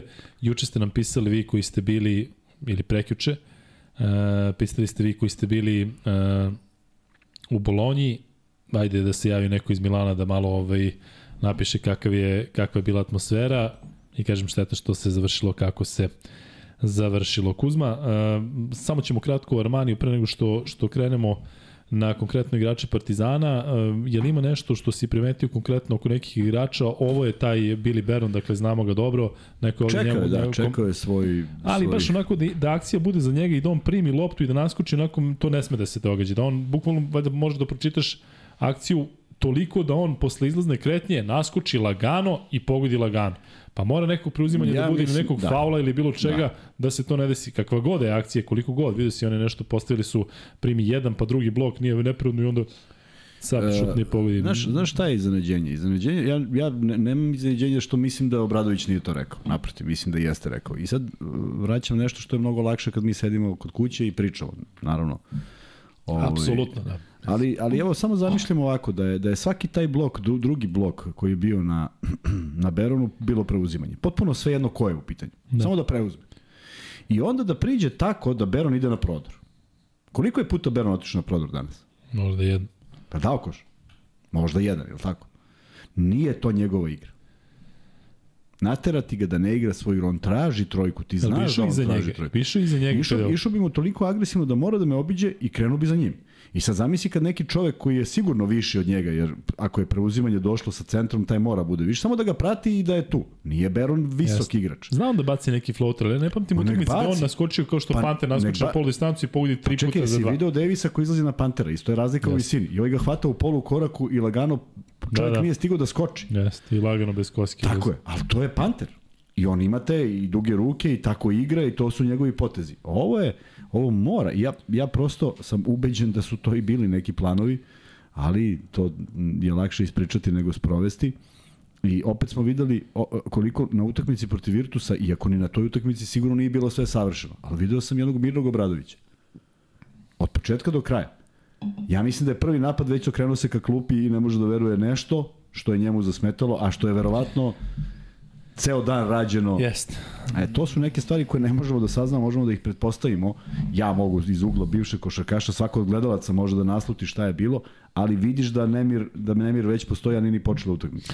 Deluje da se Obradović u drugom polovremenu vratio onaj mod nervoze, zato što u prvom polovremenu se dešavalo ono i, da, i kada je greška, te zagleda, te bodri, međutim onako kada krenu kola nizbrdo, kada ništa ne funkcioniše, oni ga, ja mislim, vraćaju to da mora da vrišti, da, da, da crveni i Kad ostalo. ništa ne ide, kad ništa ne ide, onda neki glup faul, ali koji je jeste. potpuno besmislen. Ali stvarno je neka bilo izgubljena nekih lopta. glupih, glupih. Nije kad Pa izgubiš loptu ili promašiš slobodno bacanje, pa niko neće pa, pa Petru da kaže ne je. za ono. On je seo, video si reakciju Čeke Obradovića. jeste, jeste, pa šta da radi? Šta radi?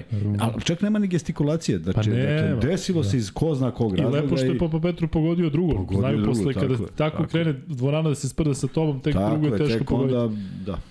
Da. E, 2000 ljudi u live-u, Kuzmo, ne znam koliko ti Da ih znači ta pozdravim sve. informacija. E, dakle, u ekipi Armanija Brandon Davis je dao 14 poena, toliko je završio i Billy Baron sa toliko poena. Po 10 su imali Pengos i Napier, e, Kuzmin ovaj Pengos je igrao naj, najracionalnije. 1-1 za 2, 2 od 4 za 3, 2-2 sa penala, 5 skokova, 7 asistencija Pet uz jednu izgubljenu. skokova, ej, čoveč. Da, da, tako da ovaj, Pengos, 142 visok. Što ga sad diraš? Hvališ ga Ne pa ti ga onda majstor je, nego hoću ti kažem šta on radi. Majstor. Gleda, gleda da ide lopta. Pa jeste, ja sam ti i pro juče rekao da mi je on onako najinteresantniji igrač. I imao je 19 indeks, najbolji, najveći indeks Tako uh, u ekipi. Tako. I sad, Armani. sad možda otkrivamo neku, neke razloge zašto je Armani tu gde jeste, zašto polovina ovih igrača, pa i danas gledamo da Tome na klupi koji ne igra, jedan igrač tog kalibra sigurno može da unese sigurnost na teren, ali prosto nije bilo uopšte u planu negde očigledno da igra. I sad zamisli nekog Šilca ne u najboljoj formi, samo u nekoj dovoljno dobroj formi i onda je to jedna ekipa koja uopšte nije za pocenjivanje i tako da je jeste misterija i da je, je definitivno razlog da su oni tu gde jesu. Meni oni deluju sada u ovom trenutku tri puta ozbiljnije od Virtusa koji je danas demolirao Albu, ali prosto pogledaj kakva je to ekipa. Od, od, od, od sjaja do očaja i nazad i činjenica da je Partizan isto ovo na isti ovaj način odigrao odbranu protiv Virtusa i vidio si koja je panika bila među igračima koji Jeste. treba da se oslobode lopte. E, to je mora bude Beron, da se Da, oslobode kao. Belinelli. Da uzmeš da ga teraš, Tako je, da, da na bilo šta. Tako je. E, dobro. Da, prelazimo na igrače Partizana i sada pojedinačno pričamo o svakome koji je igrao E, večeras. samo prema što počeš o igračima Partizana, dobio sam tri poruke iz Nemačke, pošto si rekao da se svi Nemci jave. Šta kažu? Pa evo, sad ću ti kažem. Wiedersehen. Između ostalog kažu Auf Wiedersehen, ali kažu i Dobar sledeće. momentum, zato što smo komentarisali igrače Armanija. I? Kaže ovako. reći. Pozdrav Kuzmu za tebe i Luku, javljam se iz Frankfurta, Bojan Ilić. Piše se Vojgtman i jedina razlika u izgovoru u početnom slovu mesto V je F. Izgovor je Vojgtman, samo što se to G jedva čuje. Nije kraj, sački. Znači, Foj Tman. Sve. Nije kraj. Nije kraj. Aleksandar, ne. To je bilo po frankfurtskom akcentu. Da To je čujemo sad ovaj iz Pa i sad ovo. Bavarije. Ivan Pejić, najpametnija stvar koju radi, pušta u 17. sekundi ono što sam ti pričao da ide na SK. Aha. I? Ćemo da pustimo? Ajde. Na mikrofon stavi. Ифе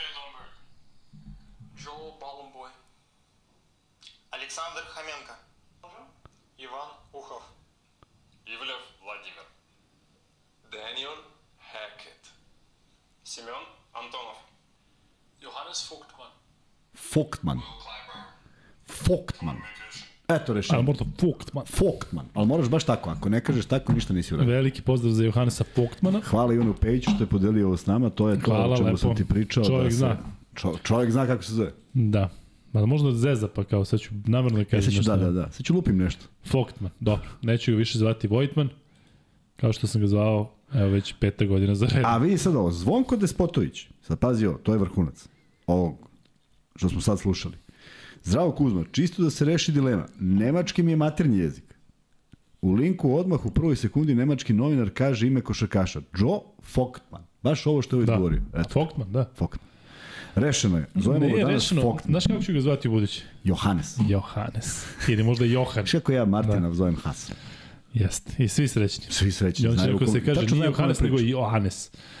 E, dobro. Eto, rešeno. rešeno i sada prelazimo na igrače Partizana, a krećemo od Tristana Vukčevića. Počeo je u petorci, odigrao 3 minuta, jedan skok zabeležio, nešto tu nije funkcionisalo, napravio je dva faula, ali nije on kasnije ostao na klupi zato što je napravio dva faula. Ali ovo smo već imali, Madar počne tako protiv Makabija ili već protiv koga, 3 minuta Imamo, klupa. imamo to u svim ekipama.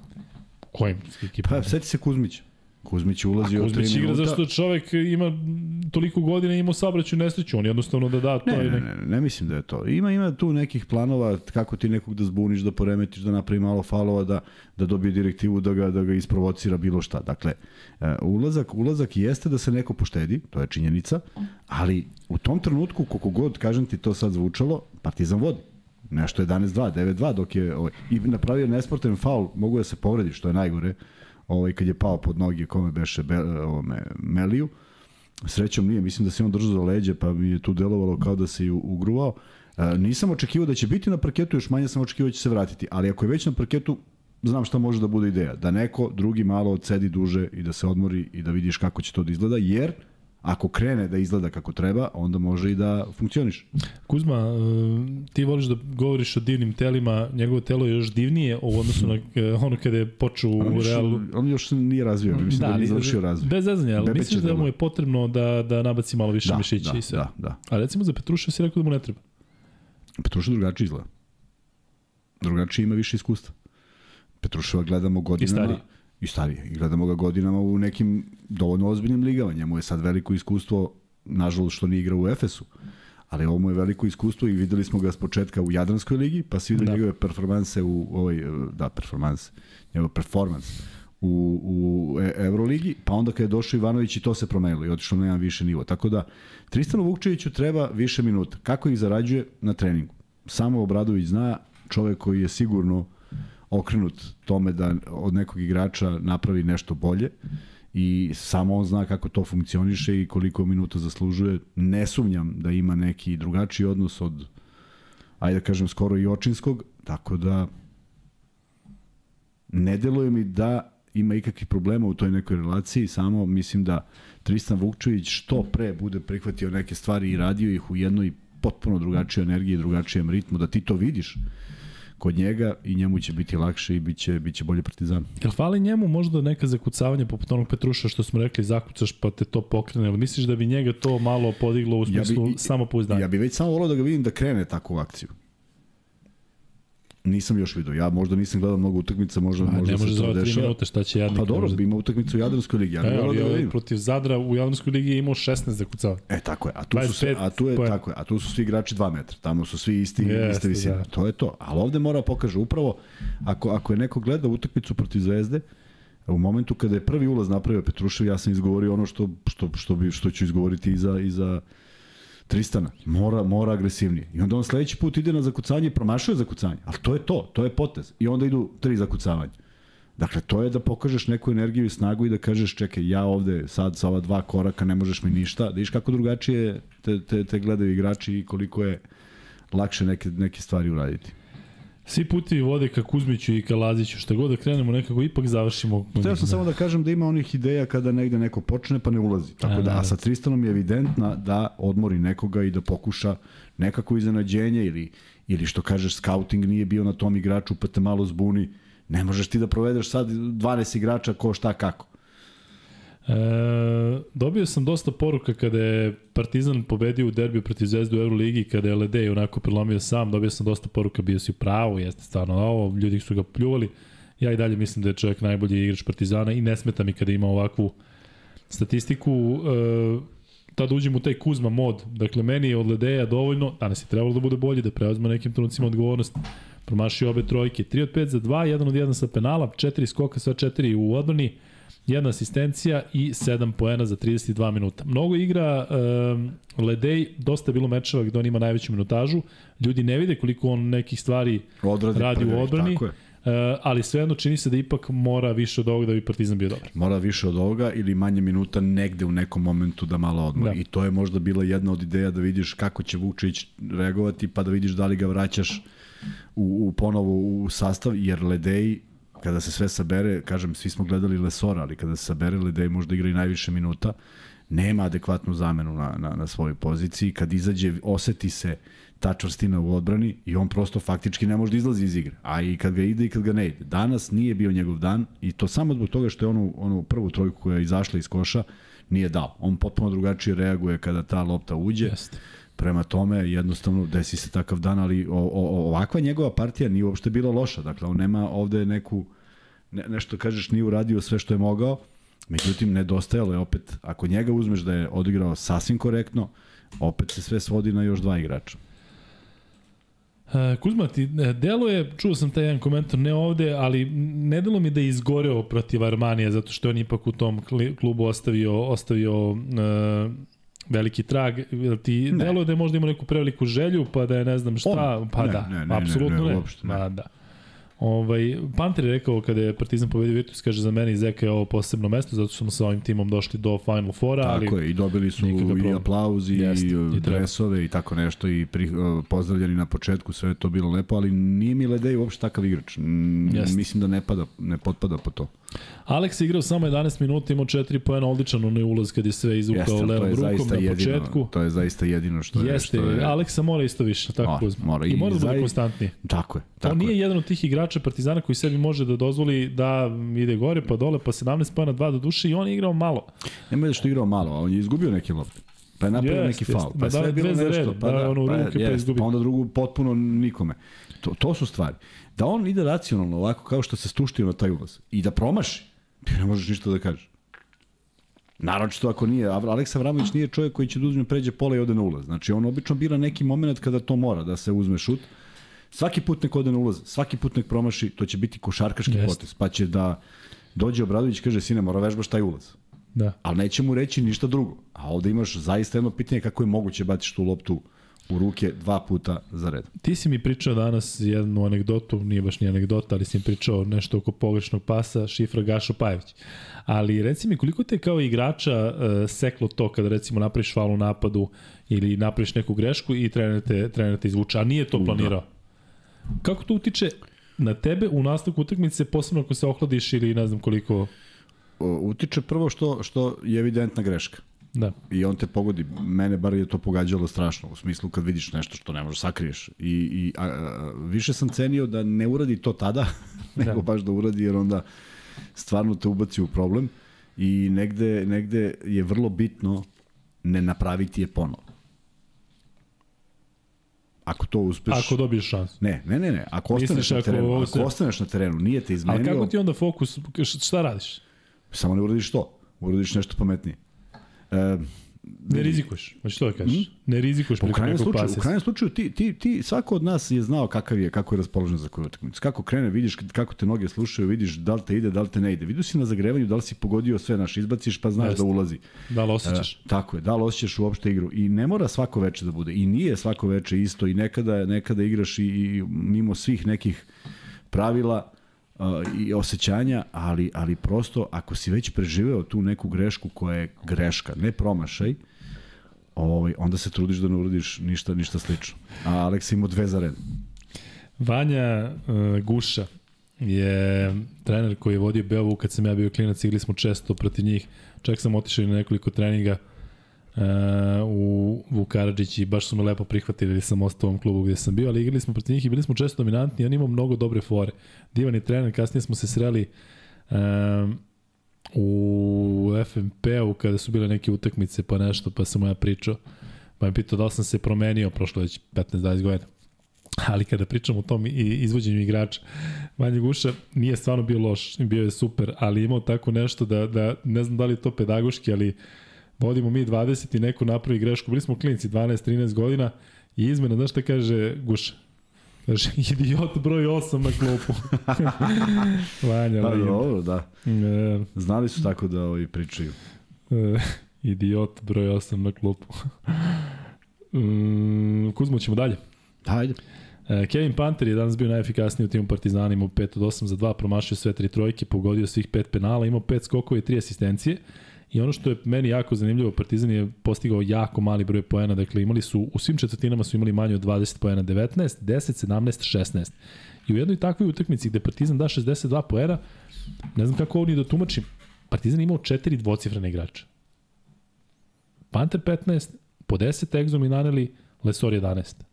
Falio je očigledno još neko, ili ti sa četvoricom ne može da dobiješ, ili tako? Svi ostali su sa- baš podbacili. Ti sa, da, tako je. Ti sa četvoricom docifrenih moraš da igraš bolju utakmicu, jer to da. znači da je neko ubacio svojih 4, 6 i ono što se od tih igrača očekuje. Ali ovo se nećem da sam na utakmici od 60 pojena vidio da su četvorica dala dvocifren broj. To upravo, upravo ovo što ja pratim. tu je nešto što je što je ipak Partizan ove sezone imao mnogo više strelaca po utakmici, bez da. obzira u kojoj rotaciji igrali. Ako igra sa 9-9 su upisani, ako igra 8-8, nema veze. Da, da. Ali, ali, ali nedostajalo je upravo ono o čemu smo počeli da pričamo. Još na utakmici protiv Virtusa, to je klupa.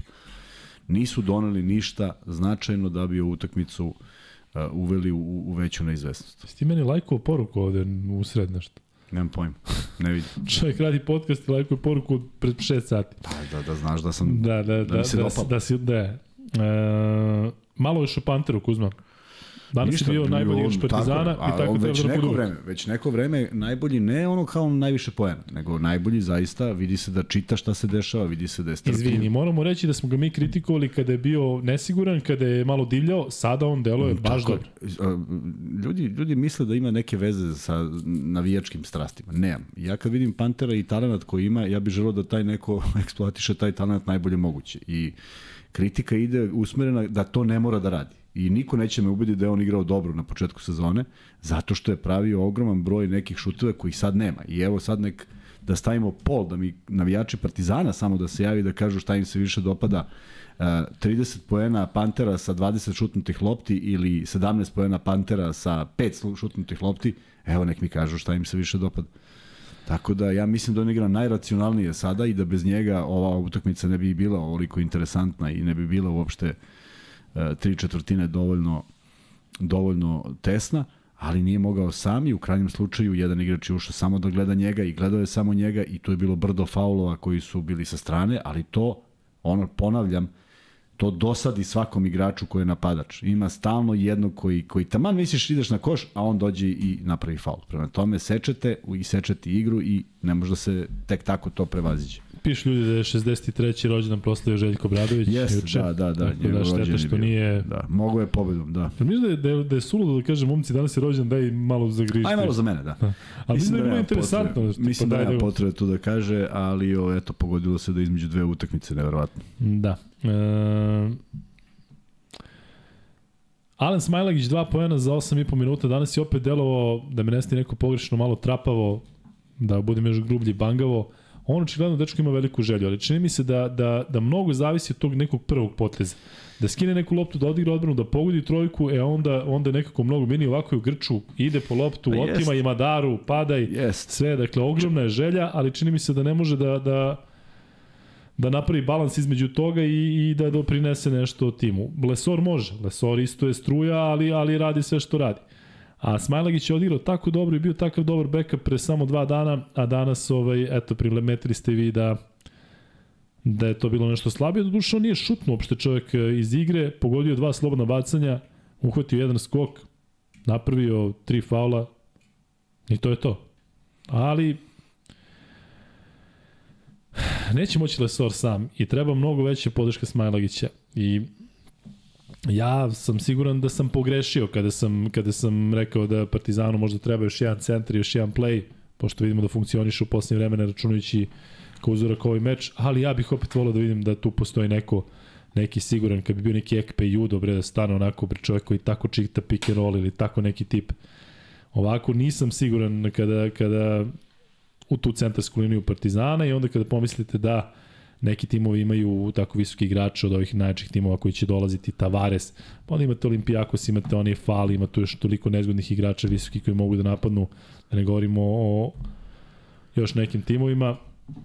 Jer ti je tanka ta centarska linija Partizana? Jeste, i o, ako ima tamo zabeleženo u našim podcastima s početka sezone, uvijek sam pričao da je to najpotrebnije Partizan. I onda je došao... Vraćaju ljudi, koji podcast? 124. Pa pogledajte podcaste od 98 do Sve. 126, ali na tenane. Negde sam to izgovorio.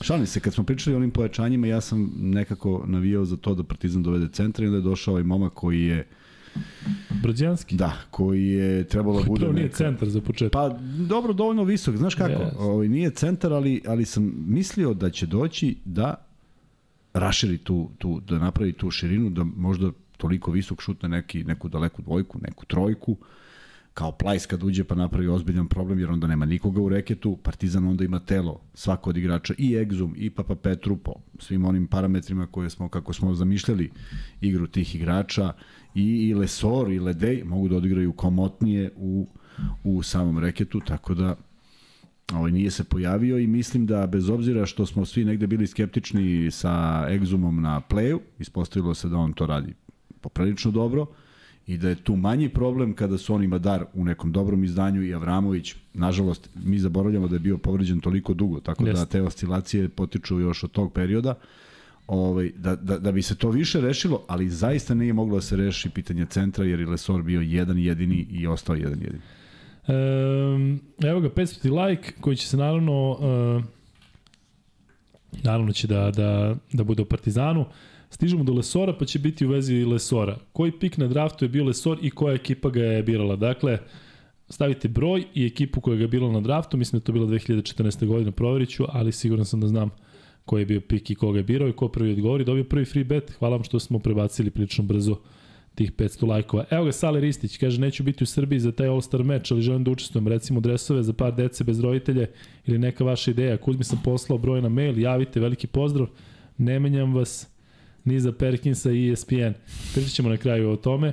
Ovaj, e, I hvala ti puno Sale što si uz nas, mislit ćemo nešto, pravit ćemo mi, pravit ćemo mi humanitarne akcije non stop, a ti se javi kad si u Beogradu, bit će nam drago da, Ili kad mi budemo Dobro. prolazili, ale I onda kad ja dođem u Samelin, u, onda će da bude, da bude ovaj, ludilo. I inače, znam da, ako, ne znam da si bio u Samelinu, ali ako budeš išao, kao što si rekao, da tamo pređeš da živiš, meni je Sun Coast bio fenomenalan zato što je žena radila u Tivoli Village-u, ja odem u Sun Coast, To su ti veliki, ve- veliki kazino koji u okviru toga ima i bioskop i sve i onda lepo ona radi svoj posao, a ja lepo odem da odgledam film i gledao sam mnogo dobrih filmova. Odgledajte Uncut Gems, ozbiljna, ozbiljna filmčina. E, Ur, uh, Miloš mi kaže da nije između dve utakmice, nego je baš danas, 9. Jeste. to jest juče, 9. marta. A, da. A mi Dejanu Tiganju čestamo rođendan, pošto je danas, pola sata posle ponoći, ovaj, sad već deseti. I pitali su ovde za, za kako se zove momak koji je juče išao u Dragiša Mišović, da li je dobio dečak ili devojčicu, javit će nam, e, Tu sam tanak zaboravimo, si menio. Da li je Gabriel Omar Batistuta, a? Jeste. Jeste. Batistuta Bati javlja se da vidimo kakva je, kakva Da je je Bati situacija. dao gol? Batistuta je tu non stop. Tako da, da javlja se Gabi kakva je situacija. Gabi. Da. E, da vidimo šta ljudi kažu, ko je osvojio prvi free bet. Šta je bilo pitanje? Što nema nijednog odgovora, što se dešava? A da, evo se odgovori ovde. Možda zato. A što me opet da me izbaciš iz takta? Jel opet treba da zatvaram kompjuter koji juče? A zbog mene si zatvorio? Samo zbog tebe. Da, da. Petar Mitić, čekaj da imamo sad je top chat, pa da ja prebacim kao na live chat. E, Sale, treba ćeš nam za 150. podcast, uzdamo se u tebe i u sve vas koji ste bili uz nas dugo, tako da budi sa nama u ponedljak 20. marta. E, Kuzme dalje ne znam čemu se radi. Petar Mitić je rekao 50. fila, pero šalješ na lukekuzme.gmail.com, šalješ maxbet ID i Kuzma će ti to negde tamo krajem aprila upravo uplatiti. Da. Nemoj da brineš ništa. E, stigli smo do Lesora, koji ima 11 pojena, 4 od 4 za 2, 6 skokova, polovina u napadu. Partizan ima ukupno 6 skokova u napadu, Lesor imao 3, Tako to je, da. nekako ima smisla za onim što smo, sa onim što smo gledali ove sezone se uklapa. Dve izgubljene, Taj Lesori kad je neprimetan i kad loše odigra, on čovjek ima na ovakvoj utakmici 11 pojena i 6 skokova. Ja stvarno njemu nemu, nemam šta da zamerim. Šest faulova je napravljeno na, na njim. Ali opet navikao nas je na bolje partije. E, nema veze, na, da, napadački da, ali imao je malo lopti. Nije se baš tu nešto igralo i, kažem, igrao je protiv ozbiljnih konkurenata. Svaki od njih ima i visinu i dovoljnu snagu da, da pariraju, bez obzira što se protiv Vojtmana ili Voh Voktmana snalazio najbolje, ali ovaj, e, bio je odličan u odbrani. Odlično je pomagao na tom Kad izađe onako i ostane jedan na jedan, kad Jest, ostane sa nižim igračima, I to nikoga- sada sigurno. Meni deluje da ranije je bilo možda sigurnije. Možda se on umorio, možda on kada ga neko izvuče na 8 metara, to uglavnom sili završi faulom ili nešto. Jeste on agresivan da, i sve. ali- I samo bi voleo i nekako bi moja zamisao bila da u tom momentu kada kada dolazi taj posljednji dribling pred šut, da on ne krene nazad, nego da, da, da, da ode napred. Da. Jer malo je vremena za taj neki prodor smisleni protivničkog igrača, a mislim da on to može s obzirom da ima brzinu i onda da rukama ovaj, brani neki pas. Prema tome, nije uopšte bio loš, upao je sam u neke probleme eh, kada je napravio par puta korake, ali to je zaista zanemarljivo za neku energiju koju je doneo i šteta što nema zamenu da on može nekako da izađe, a da se, da se, da se tih 11 i 6 pojavi kod nekog drugog. Ništa više od toga. Ne mora čak ni za tih 10 minuta, neka se pojavi 4 i 4, pa je već kako treba. E, malo ću da ono odem od teme. Ajde. Šta se desilo? Lažna uzbuna moje žene još ništa nismo dobili, kaže Omar Gabriel Batistuta. Kako, Biće sve kako okej. je lažno uzbuda? E, biće to sve okej, ne brini ništa, bati gole. E, da, neću ovde kažem javno, ali po- povezan je taj kraj. Tu je Batistuta bio u tom kraju gde je Dra, uh, Dragiša Mišović 100 metara odatle, Batistuta je bio prilično prisutan pre nekoliko meseci. Ali stvarno, e, Aleksandar Lukić kaže da je Pablo Laso se dogovorio sa Panathinaikosom za sledeću sezonu. Eto ga, Pablo ponovo u Znaš ti Euroligi. gde je sledeća sezona? Pa znam, ali tako piše. Nemoj sada da... Jel mogu ja malo da maštam? Da li da maštam? Ajde. Volio bih da čujem miksa da staviš jedan pol sledećeg tipa. Dakle, ja maštam da sledeće sezone u Partizanu budu Milutinov, Lučić i na poziciji beka Jaramaz ili Vanja Marinković. Hoću da čujem za njih, da, da, da stavim ovako pitanje. U Lukinoj mašti, da li biste volili da na bekovskoj poziciji sledeće godine u Partizanu budu Marinković ili Jaramaz? Eto, da vidim, malo učestvujete u mojim snovima, da vidimo kako bi to izgledalo. Dakle, u Lukinim mašti, u Lukinoj mašti, Da li biste volili da na bekovskoj poziciji naredne godine u Partizanu budu Marinković i Jarmas? Sve što ja pričam nema mnogo vjerojatno veze sa realnošću. Momci su Ali vjerojatno po lepa, dogovorima. ma, lepa maštenja. Lepo, mašten, zamisli Luča, da je zdrav, Milutinov, Da je zdrav. I Jaramaz da je zdrav. Naravno, a ti si da odabro zdravi. Jaramaz, a? Šta si rekao? Jaramaz ili Vanja? To je, A, to je Vanja. Vanja, izvini. Da. Da su svi zdravi. Samo stavi, stvarno, jesi ej, stavio, stavi Vanja Marinković, Sve možda si ne ih misli da. Vanja što, što naš Vanjček. sve si ih spomenuo i nevjerovatno koliko Sve. su peho imali sa nekim povredama. Nevjerovatno. Kuzma, ovde su zapeli o svađi Lazića i Kampaca, jel si nešto čuo, pričat ćemo posle da se Lazić i Kampaca nešto na krvi Da, bilo je teško šibanje, da, to sam baš čuo. Jesu, a? Da. I odmah su meni javili. Da, prvo, da. E, Kuzma, znaš šta je bilo? I ja, Ne, nego Laza šalje, Kuzma, sad ću da ga nabodem. da. Ja onda ja pišem, nemoj Lazo, Da. Ne znam, ništa nisam čuo o tome i ne znam u kom kontekstu bi se to desilo i kada, ali možda jeste. Luka, misliš da može Armani u top 8? Pa sada je jako teško, ali sada su ekipa koja ima šest pobjeda. Ja ne znam da li je bilo Fenerbahče imao u seriju šest pobjeda i bilo je još nekih ekipa. Zvezda imala seriju šest pobjeda. Bilo je takvih timova. Međutim, mislim da su prekasno uključili motore. Kada, uključite, kada pogledate sa strane e, igrači koji nisu igrali, jedan Gigi da tome, da je zdrav, on bi značio tom timu, pa makar odigrao 10 minuta. Oni kod Ćaćo i Rudi u, u Realu, kad vidite da je Mitro Long tamo bio, da je ovaj Devon Hall takođe poređen. Dakle, oni kad su, kad su zdravi, oni su sila, pa taj Biliga isto može da da da neke minute i kad kažem kad su svi zdravi, teško je Mesini da odabere 12. Da. Svi smo ih očekivali u top 3, s- top 8 sigurno, međutim sada mislim da će to jako jako teško da da izvedu, ali kada vidim Điđija da tome, ali znaš onaj e, klip kada se Željko de- dere na Điđija, kada ga psuje na, u Fenerbahču, a, a ne znam koliko znate, verovatno većina vas zna, da nije Điđija da tome, Kevin Panter možda ne bi došao u Partizan, zato što je Željko Bradović zvao njega, svog prijatelja, kako sam kaže, Da. pitao Điđi kakav je bio Armanio, rekao super dečko, super igrač, i eto ga Panter u Partizanu. E, Kuz, Evo gledam tabelu i gledam malo... hoće tabelu imaš 8 igrača A, Partizanu, izvini. 10. A, dobro. E, ajde, kaži za tabelu. Ne, pa sad, sad ne bih rekao, ne bi nema u- šanse. Da, da gori, a? idi još. Nećeš nikad više da kažeš, priznaj. Možda hoću, nisam ja baš takav. U 150. podcastu. Kao, evo sad tabela. Evo tabela Liga. malo pre nekoliko U podcasta. istorijskom. Gde smo stali? Kod Ante Egzuma, 10 poena, 0 od 2 za 2. Ne znam, možda možete da nađete da je Egzum imao jednu Nije. utakmicu ove sezone da nije pogodio za 2, 2 od 4 za 3, 4 od 4 sa penala. Vidim da su ljudi mnogo nešto kao Egzum ovo, Egzum ono. Jeste imao 4 izgubljene lopte, ali 4 je imao i... Ali ja mislim 10 penala, 10 poena u poslednjoj četvrtini, ja ne znam da li je on nešto... Jeste, ali um, Exum, kao, e, šta se dešava sa Exum? Pa Exum je pre dva dana bio MVP kola sa onih 17-7-7. Dakle, Tako je. dešava se, čovjek dao 10 poena, jedan od dvocifrenih. Da li može bolje? Može. Ko što je Kuzma rekao, dobro su ga zatvorili, nisu mu dali da prilazi košu, znamo koliko je opasan kada, kada krene na ulaz, nisu mu to jednostavno dozvolili. I e, to jeste dobra odbrana na, na Exumu, ali sam ja očekivao da kada njega stisnu da će nešto, nekom da se otvori. Panter je igrao dobro, ali mora, mora Partizan s polja da, Da, vidiš nešto. mora još neko. I moralo je, moralo je možda, možda, uh, ono što nismo videli, uh, drugačiji, drugačiji ulazak u napad da se Exxon spusti da odigra, da odigra on na centarskoj poziciji. Jer Da. obično što gledamo da je on taj koji onda uzme loptu pa sa krilne pozicije se spušta polako prema košu, možda je moglo da se pokuša eventualno da sa nekim niskim igračima, čuvali su ga u jednom periodu niski igrači, odigra 1 na 1 i da neke otvori takvu utakmicu, ali naravno šta je, šta je moglo sve, mislim, znamo kad se završi utakmica. Verovatno je to drugačije bilo zamišljeno. Nije bio u svom elementu, što kažeš, samo pre dva dana je bio MVP kola, prema tome ne govori se ovde o nekoj ne znam kakvoj krizi, nego jednostavno dobro pročitan, zatvorene sve strane i ogroman broj, koliko je izvuka faulova?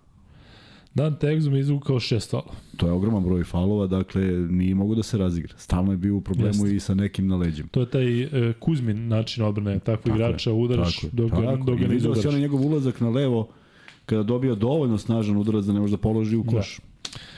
E, James Nunnally 10 pojena, 1 od 3 za 2, 2 od 4 za 3, 2 od 2 sa penala, 3 skoka, 4 izgubljeni on. Nunnally je postigao onu jednu trojku, ali onome kada je krenuo da šutne pa je spustio dribling pa su svirani koraci, tu Jest. mislim da sam odustao od bilo kakve varijante se Partizan bio- vrati. To me, to me Da, je to je slomilo. bio neki To sam klonuo, moment, sam, jest. glava mi je klonula kad sam to video. Jest. Šta da se radi? Kuzma nešto oko Nunnally, imaš Ne, e, volim, volim te dobre brojeve, a to jesu na neki način dobri brojevi, ali, ali on je morao da povuče ovu utakmicu, prosto i on je odigrao dobro protiv Virtusa i u nekom dobrom naletu je i tražio se taj čovek koji je, koji je morao malo da, da povuče. Slušaj ovo, Dante Exum, James Nunnally, po 10 pojena. Da, znam. Dante Exum, James Nunnally, 2 od 4 za 3. Exum 4 od 4 pe- sa penala, naneli 2 od 2 sa penala. S tim što je Exum imao 0 od 2 za 2, a ovo 1 od 3 za 2. I onda dolaziš Dva do toga da su četiri izgubljeni imali jedan i drugi. Da, mnogo, mnogo izgubljenih Ne, ali ti ko skoro da identična Da. statistika, s tim što je drugačije to izgledalo na terenu. Naravno Jest, je bio jest, vidljiviji. Jest, jest, I ono što si ti rekao, Exum je to u kratkom periodu, pa onda vidiš da se mučio, pa se tek onda probudio. Jeste, ali veliki broj izgubljenih lopti. I Jeste. 18 je rekao da je bilo, to je Jeste. premnogo. Ali na osam asistencija, to Tako je... je, isto. E, to je, to je ono nešto što meni, meni, to je možda i savremena košarka, možda ja mislim da je to do Partizana, a možda i nije. Jednostavno imaju igrače koji sami mogu da reše i to je potpuno Da. legitiman način da ti budeš siguran u neki koš, ali taj protok lopte, teko, to znači da nije bilo nikakav lak pas. Ovaj, I još ispadne da treba da bude najbolji asistent uh, Panter. Ne može Panter bude i koš getter i asistent u istom trenutku, a, a igra na poziciji 2, obično treba neko drugi. Potukli se Lazić i Kale, gospodar vremena. Proveren info. Znaš ko je Kale? Znaš ko je Kale? Još pet minuta, ja bit ću tu, pa ga izbaci iz autobusa, ne znaš? O čovjeka ovaj ne znam, najosnovnije stvari. Kale, gospodar vremena. Nije gledao si Dađi Dedeuš i ne zna ko je Kale, gospodar vremena. Ali zna prvi album grupe Babe. Pa, Tako naravno, je. Čuj, zna, to, to- peva, to valja. kad god imamo kući peva pesme babe, bukvalno, znači ne, ne, šta si pevao, od koga si pevao juče? Sinoć smo pevali, šta smo pevali? Ja nismo pevali, pevao si ti, ja sam pokušao Nešto da od baba, ne usetim šta. Nije, nije bilo nešto od... A, deca loši muzičar. Ne, ne. Šta sam pevao sinoć? Neka onako lagana, polu džez, a malo... Ma dobre, babe. Babe? Dečko, stvarno si lud. Jeste. Mislili ste da je šala, ali nije. Kuzma noću kad se vraćamo s podcasta peva. I ovaj... A ponekad zna i da svira.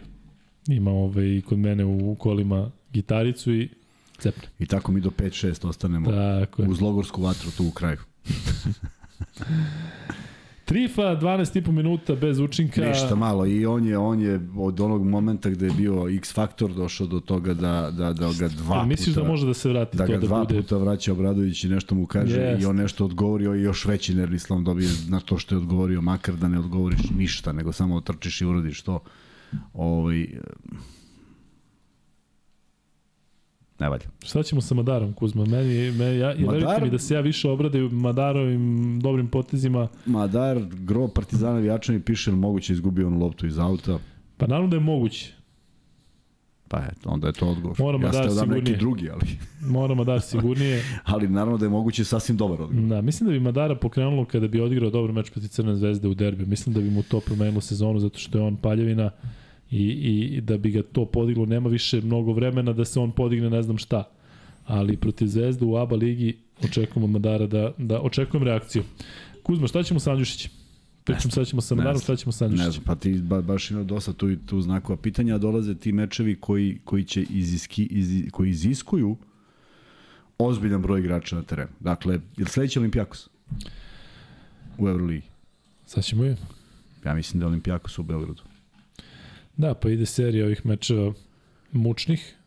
Pazi, da, igraju- da je Olimpijakos prvi. Pazi, igraju u takvom, in, takvom ritmu, u takvom intenzitetu, sa toliko igrača. Da će morati Andjuša da se... Da, prosto moraš, a to mora bude odgovor kakav, pogledaj ti kako grčki igrači koji su ušli danas na parket, kako oni kidaju i šta rade.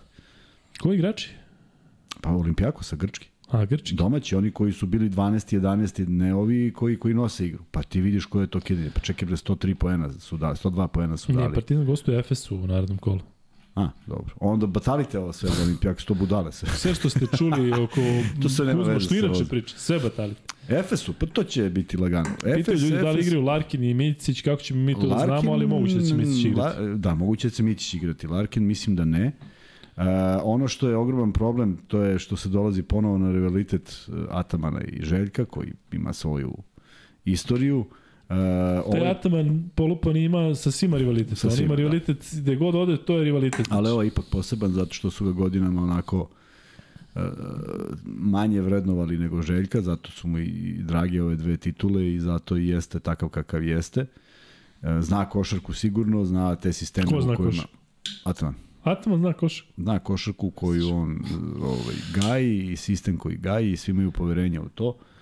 Od igrača koji igraju kod njega, vjerojatno u nekom drugom sistemu bi bilo jako teško da se snađe, ali ono što je problem za tu utakmicu jeste što je a, Efes izgubio od Zvezde. Taj još jedan poraz od Partizana Efes baca u preozbiljan problem, a Partizanu daje jedan puhaj e, zamah. Međutim, ono što sam juče gledao, e, gde je Zvezda izvukla tu posljednju četvrtinu izuzetno, pobediti 18 poena jednu četvrtinu nije lako protiv bilo koga. Sad izbacimo pionire neke pa da staviš malo drugačiju taktiku pa je teško.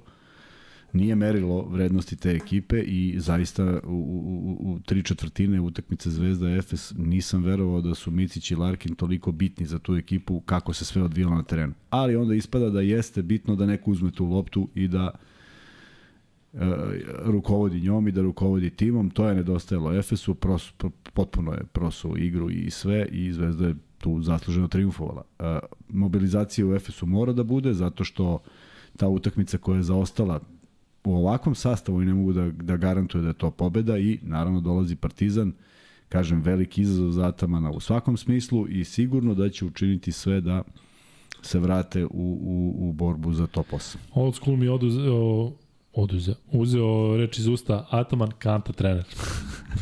e, šal na stranu, naravno Ataman je neko koji je najcenjeniji turski trener, verovatno svih vremena. E, Tako da biće zanimljivo što Kuzma kaže između njega i Željka Obradovića. Ali ajde da se samo na kraju osvrnemo na e, raspored Partizana. Kuzma, u ponedljak, uz naš komentar ovde iz studija, Partizan Zvezda, pa onda samo tri dana kasnije FS Partizan. Pa onda budućnost Partizan u Podgorici. Ne, nenormalan raspored, da. Pa Partizan Olimpijakos, pa Partizan CDVita Olimpija, pa Partizan Barcelona, Partizan Real Madrid, bar će igrati kod kuće 16 mečeva za redom. Pa FNP Partizan, Partizan i Gokeja, Monako Partizan, šta je ovo Kuzma? Neverovatan, neverovatan raspored, zaista.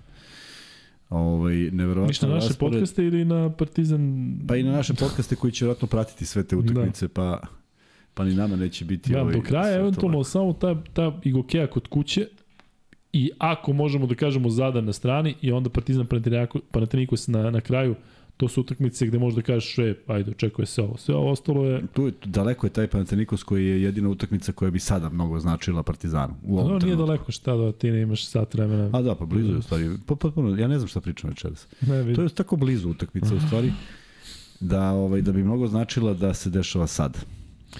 Da taj presek bude jer uh, vidi uh, koja je sledeća utakmica u sad ponedeljak je derbi, je li tako? Ponedljak derbi po četvrtak. Četvrtak. Efes, znači bilo bi bolje da petak. Pa i sad ovo, ponedeljak je derbi gde, gde bez obzira na trenutno stanje, na tabeli i sve, uh, Zvezda sa ovom pobedom u nekoj euforiji. I naravno vidjet ćemo šta će Zvezda raditi sutra. Ako Zvezda triumfuje u duploj euforiji, ako ne, onda, mo, onda mogu na neki sličan način da dočekuju s tim što bi Partizan i dalje zadržao šanse za top 8, a Zvezda bi u slučaju od poraza od Panathinaikosa bila baš daleko. A ako Zvezda triumfuje, onda ulazi sa mnogo više entuzijazma u taj derbi. Naravno, derbi se igra u areni, biće uvek neizvesan u smislu da niko ne zna šta će se desiti na toj utakmici, ali kažem, deluje mi da ovaj poraz nije trebao, nije bio potreban Partizanu na ovaj način.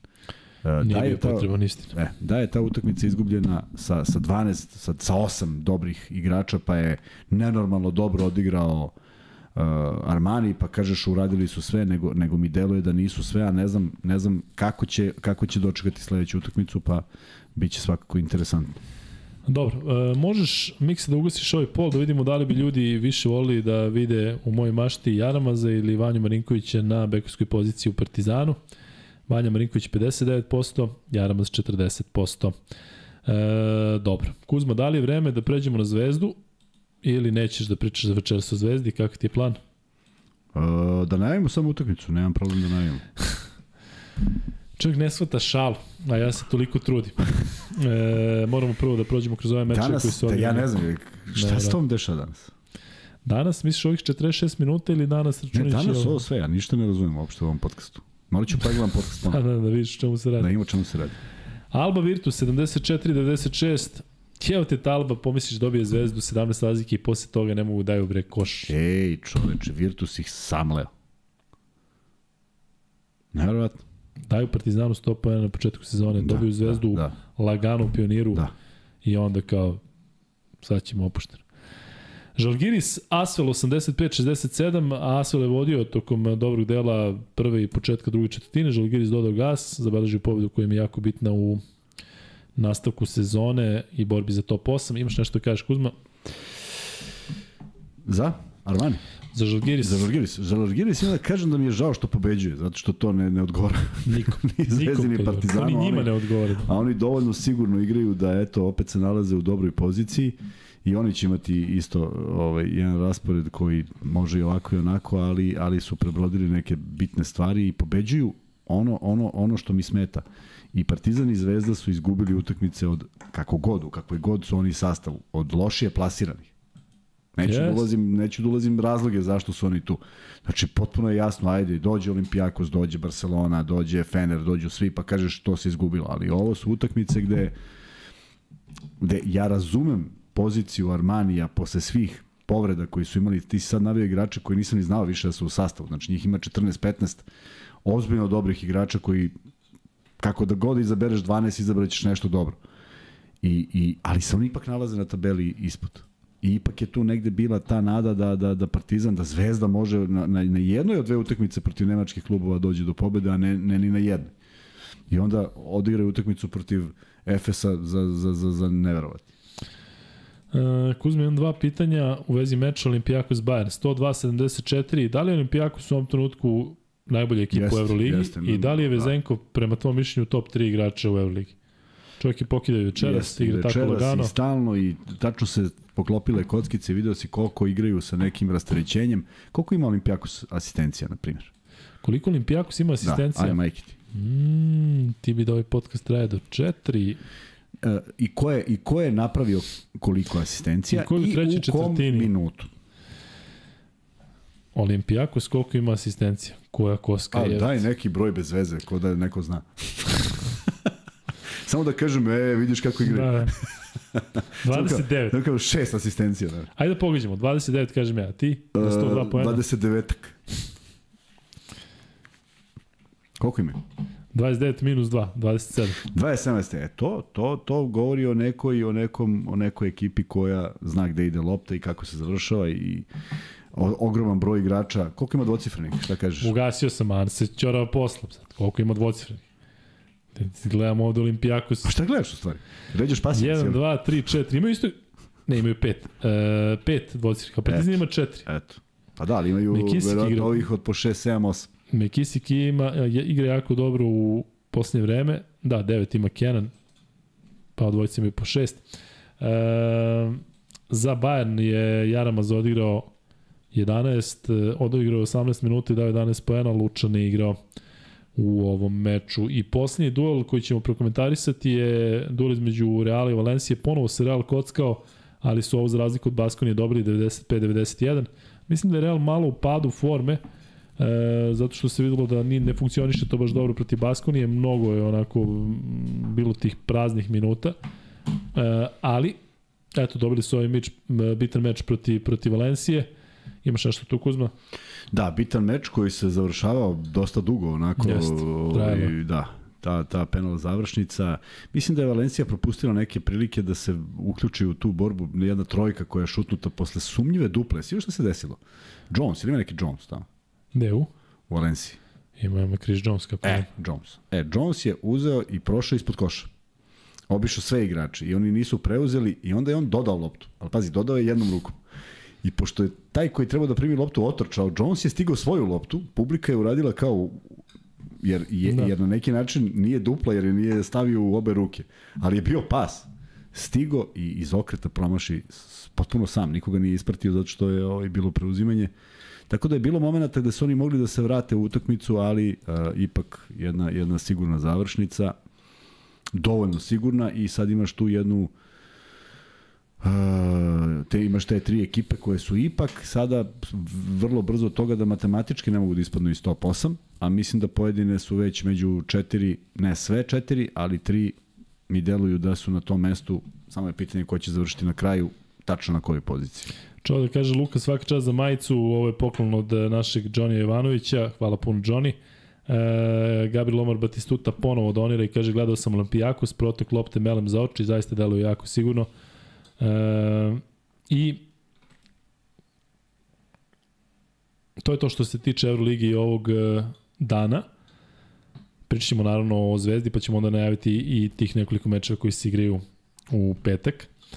Kuzma, imaš još nešto bilo šta što je što je danas video si neke sudije, neke video čekove, neko te iznervirao, nešto bilo šta da što bi dodao, pa da pređemo konačno na Zvezdu. E, ne, nisam. Nisam, e, mislio sam da, da, da će biti drugačija utakmica, mislim da će potrati i to u četvrtu četvrtinu. E, gledao sam ostale rezultate u nekom, da vidim da li će se neki rezultat e, pogoditi i za Zvezdu i za Partizan. Dobra stvar je što je Valencija izgubila. Da, sad baš gledamo, bukvalno svaki meč ima Pa da. neku težinu. Ima, tako je. I bilo je, bilo je par poruka šta mislim da li će Real pustiti, mislim da nema tih odnosa između Reala i Valencije, da će sad tu neko razmišljati gde je Valencija i da rizikuje prva četiri mesta koja ipak život znače u toj završnici. Naročito što ni Real ne igra ubedljivo, a i što je izgubio utakmicu samo kolo pre. I šteta što je izgubio, bolje da je Real pobedio Baskoniju, opet bi bila veća gužva ovde, ali i veće šanse i za Zvezdu i za Partizan. E, malo sam pratio, malo sam pratio ostale mečeve, ništa spektakularno, sve nekako očekivano, tako da sutra se završava još jedno kolo. Vidjet ćemo kako će izgledati to. Opet ima, koji su mečevi sutra? Zvezda protiv Panathinaikosa u Atini. Efes Maccabi, Fener, Efes Barcelona. Maccabi, da, vrlo interesantna Baskonija, utakmica. Monako. Tako je, Baskonija Monako, vrlo Ludilo. interesantna utakmica. Navijamo za Monako. Jeste, da, Monako Navijamo neka se odvaja gore. Fener, Bar tako su je. nas baš briga. Tako. Pa tu, tu, tu, sad, znaš kako, imaš onako posmatranje, da li je dobro da Fener, da, jebote, Šta je? da, a? Šta je? Ne, pa tu- sad sam u frci da kažem Fener i Efes i to je neverovatno. jebote. A zato što si grešio? Zašto sam grešio, da. Jer su te kaznili, ali. O, opasno. I ovaj, šta si rekao ko igra? Fener, Efes. E, Fener, Efes. Fener, Efes. Fener, Baskoni. Efes, Fener, Baskoni. Barcelona. E, Efes, Fener, Maccabi. Barcelona je opasna utakmica da ima snagu te dve ekipe. Zato što ovaj, Koliko ima igrača koji su igrali Da, da, da, da, znaš, Jaskevičius To može bude je- interesantno zato što će e, na neki način biti lakmus za ono što se dešava posle gore. Jer, jer e, možda neće otkrivati sve karte, ali mislim da je vrlo bitna utakmica zbog nekog prestiža i nekog i neke želje da, da, da pokaže snagu. A Efes Makabi, uh, Makabi koji ne igra ubedljivo, ali opet pobeđuje. Za koga navijamo tu? Za? U Efes? Za koga navijamo Efes Maccabi? Efes Makabi, e da, pa to sam počeo pričati. Sad ne znam da li, ovaj, da li treba navijati za Efes pa da uđe malo rasterećen utakmicu protiv Partizana u nekom momentu. Ali izvini, 13-13 Efes, zato što imaju u, utakmicu manje, Da. Maccabi 14-13. A, o, ta utakmica je protiv Barcelona. Koja? Ta koja nedostaje Efesu. Da, ja mislim da jeste. I to mislim. u Istanbulu. Vidi, mislim da treba navijamo za Makabi. Sad ću ti reći zašto. Zato što ovi igraju šest utakmica kod kuće. Efes? Aha. Da, ne znaš šta je, šta je gore šest, za koga da navijaš. šest od osam će, šest od sedam će igrati kod kuće. Da, A kad kažem kod kuće idu u Feneru. Znači ne idu iz Istanbula. nemoj Fener, molim te da pominješ više. Ne, idu u Feneru, majke mi idu u Feneru. Idu Oba Fener, u puta stvari je idu. Baskoni. Tako da, ovaj, uh, ajde da navijamo za Makabi. Neko mislim da će oni lakše da se prospu. Će se prospu, nego šta, nego će se prospu. E, moral. Kuzma, sutra u 17 časova igraju Konja i Turk Telekom. Ili imaš nešto u vezi tog meča? Te uspomene koje su mi ostale iz konja, Da, ja prosto ti- moram da navijam za konju. Kako se putuje tamo? Putuje Pa se to je tu odmah, o, odmah pored 17 sati od Istanbula. aviona. e, jesi putovao nekada avionom duže od 15 sati? Nisam. Pa da te ima samo za Australiju. Ne, ima Doha, Houston. A pre Doha, toga, šta si radio tamo? Što si išao tamo? Doha, zato što je kao bila bolja, Bolja karta. varijanta kao. Beograd, pazi, Beograd, Doha, Doha, Houston, 17 sati i onda ti ono upozorava taj da sada ustani, malo se istegni.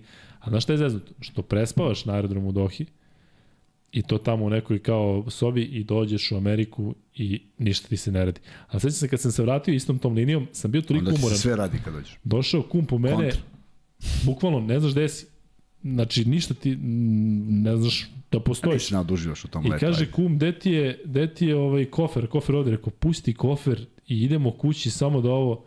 I rekao, I bukvalno, bu, nisam ga zaborio, nego ga on uzeo, a meni je bilo svejedno. Možeš misliti koliko A je... vidi, Ovaj, kad si kod tih avi, avio ovaj, destinacija, jesi video za one ravnozemljaše poruku kako je Japan napao Ameriku? Ne, Pa su nacrtali kuda su leteli. pa, pa Atlas, kako ga gledamo frontalno i onda aha, aha. prelaze samo s ove strane. Pearl Harbor. Pa da, sad bi bilo lako, samo pređeš ceo, Da. da. ceo svet. Hajde u Zvezdi malo, hoćemo. Samo malo. Ko je, još ko je da- napisao to? Neki provokator. ali imamo jako lepo pitanje od Šilera. E, koga biste Šiler? volili najviše kao gosta? Protiv Pazi, Reala igra Efes, izvini. Nemo Ivan sad, Peć izvini. kaže. Ti u 0057, izvini. Izvini, izvini.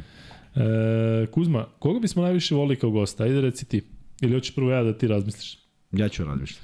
Ja bih volao Kendrick Perkins da bude gost. Da ga pitam u Erik razderu. Kedrić. Jesi bre ti normalno? Ne, ne, nego da ga pitam, volim da ga pitam neke stvari, ne, nevezano za ovo, da ga pitam tako, nešto pričao malo, pre nego što bi bio Katapultiran. špic, špic brada.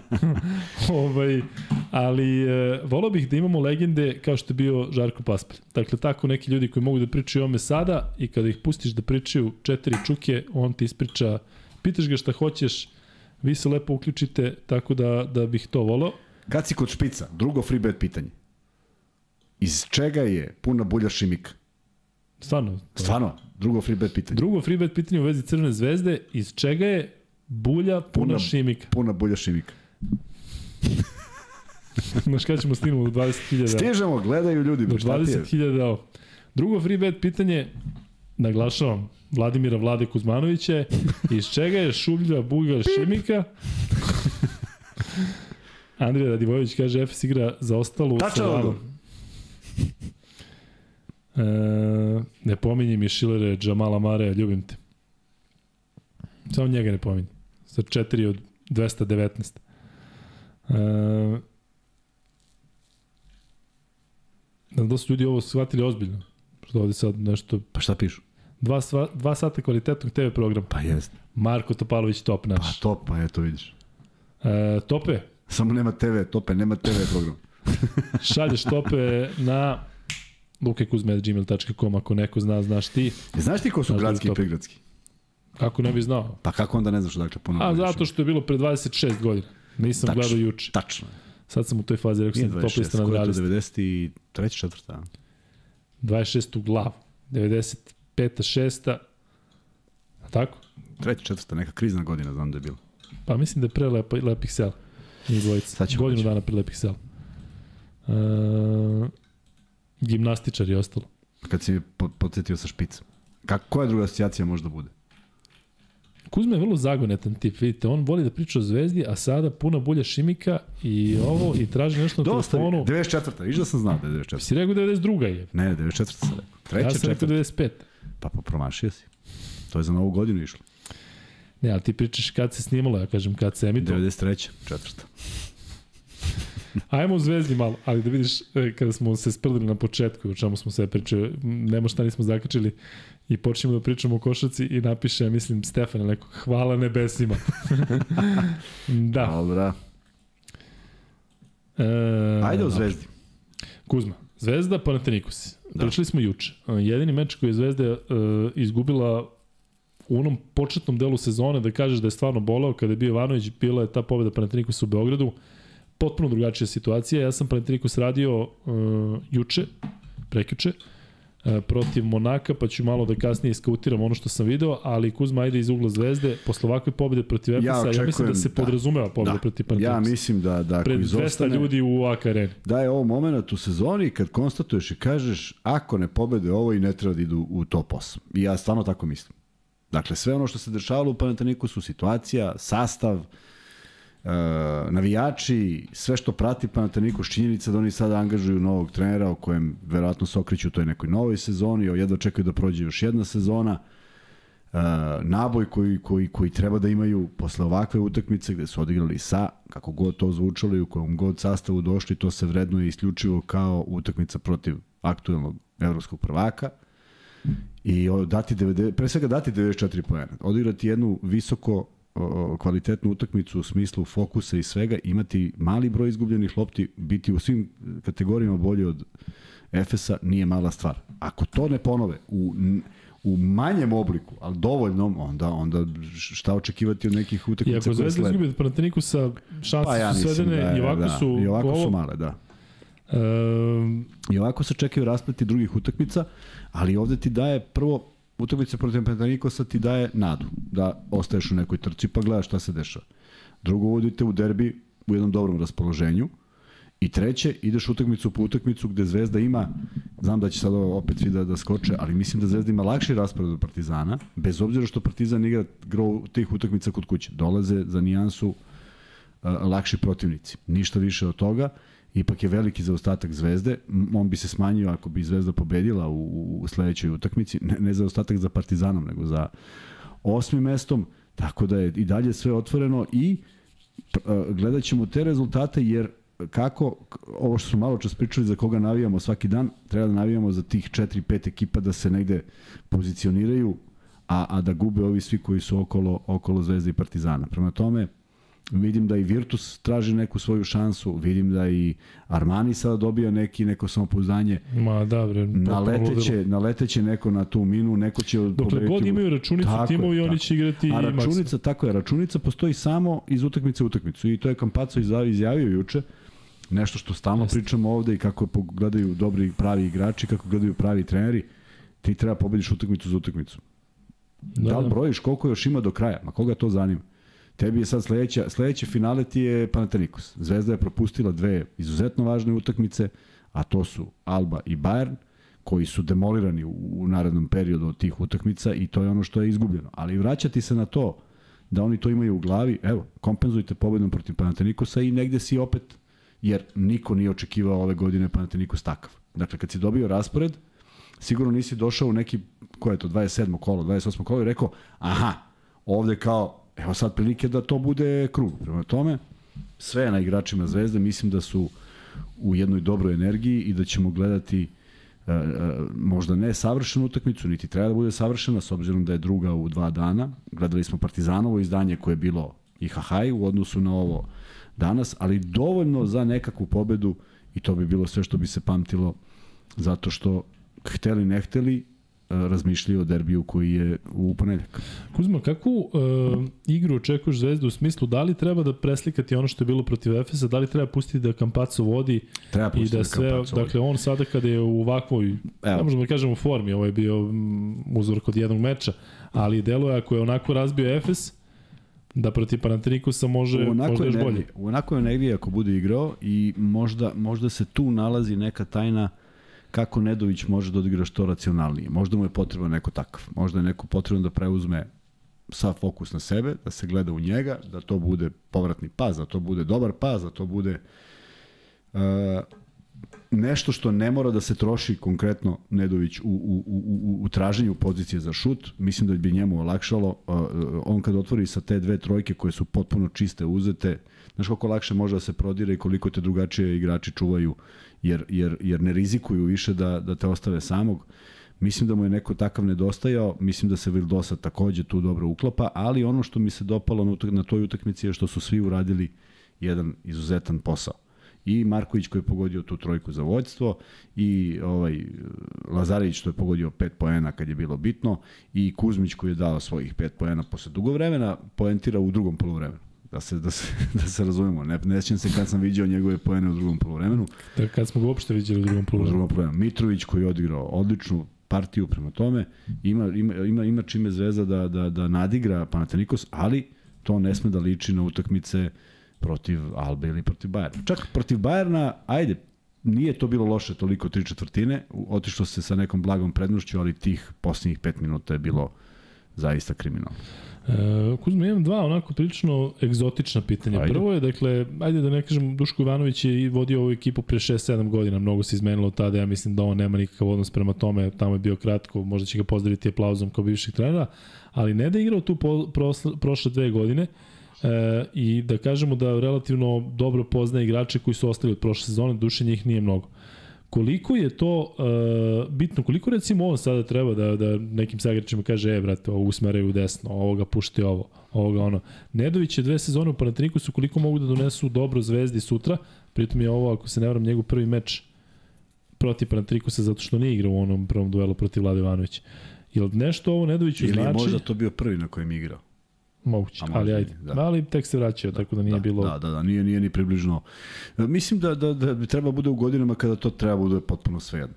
Treba da odigra da gleda šta je uradio i kako je odigrao ovu utakmicu i da ovo bude reper. Ima on ovakvih utakmica, ali ima utakmica da je potrošio brdo lopti bez razloga, možda i njemu neznanih razloga, ali kažem, ima sad nekoga ko vodi tu igru i ko će ko kričkom oka gleda Dejan Nedović. I videli smo razliku, bez obzira što Vildosu smatram izuzetno o, talentovanim i sposobnim da izmisli i koš i prodor, Kampacu je unao potpuno neku drugačiju dimenziju što se brzine tiče i videli smo odmah dva, tri pasa koji, od kojih neki nisu završili u košu, ali videlo se šta Kampaco može sa nekim dobrim dodavanjima. Nedović čeka tu priliku, nije u lošoj šuterskoj formi, bez obzira što je protiv Cibone ono izgledalo kako izgledalo.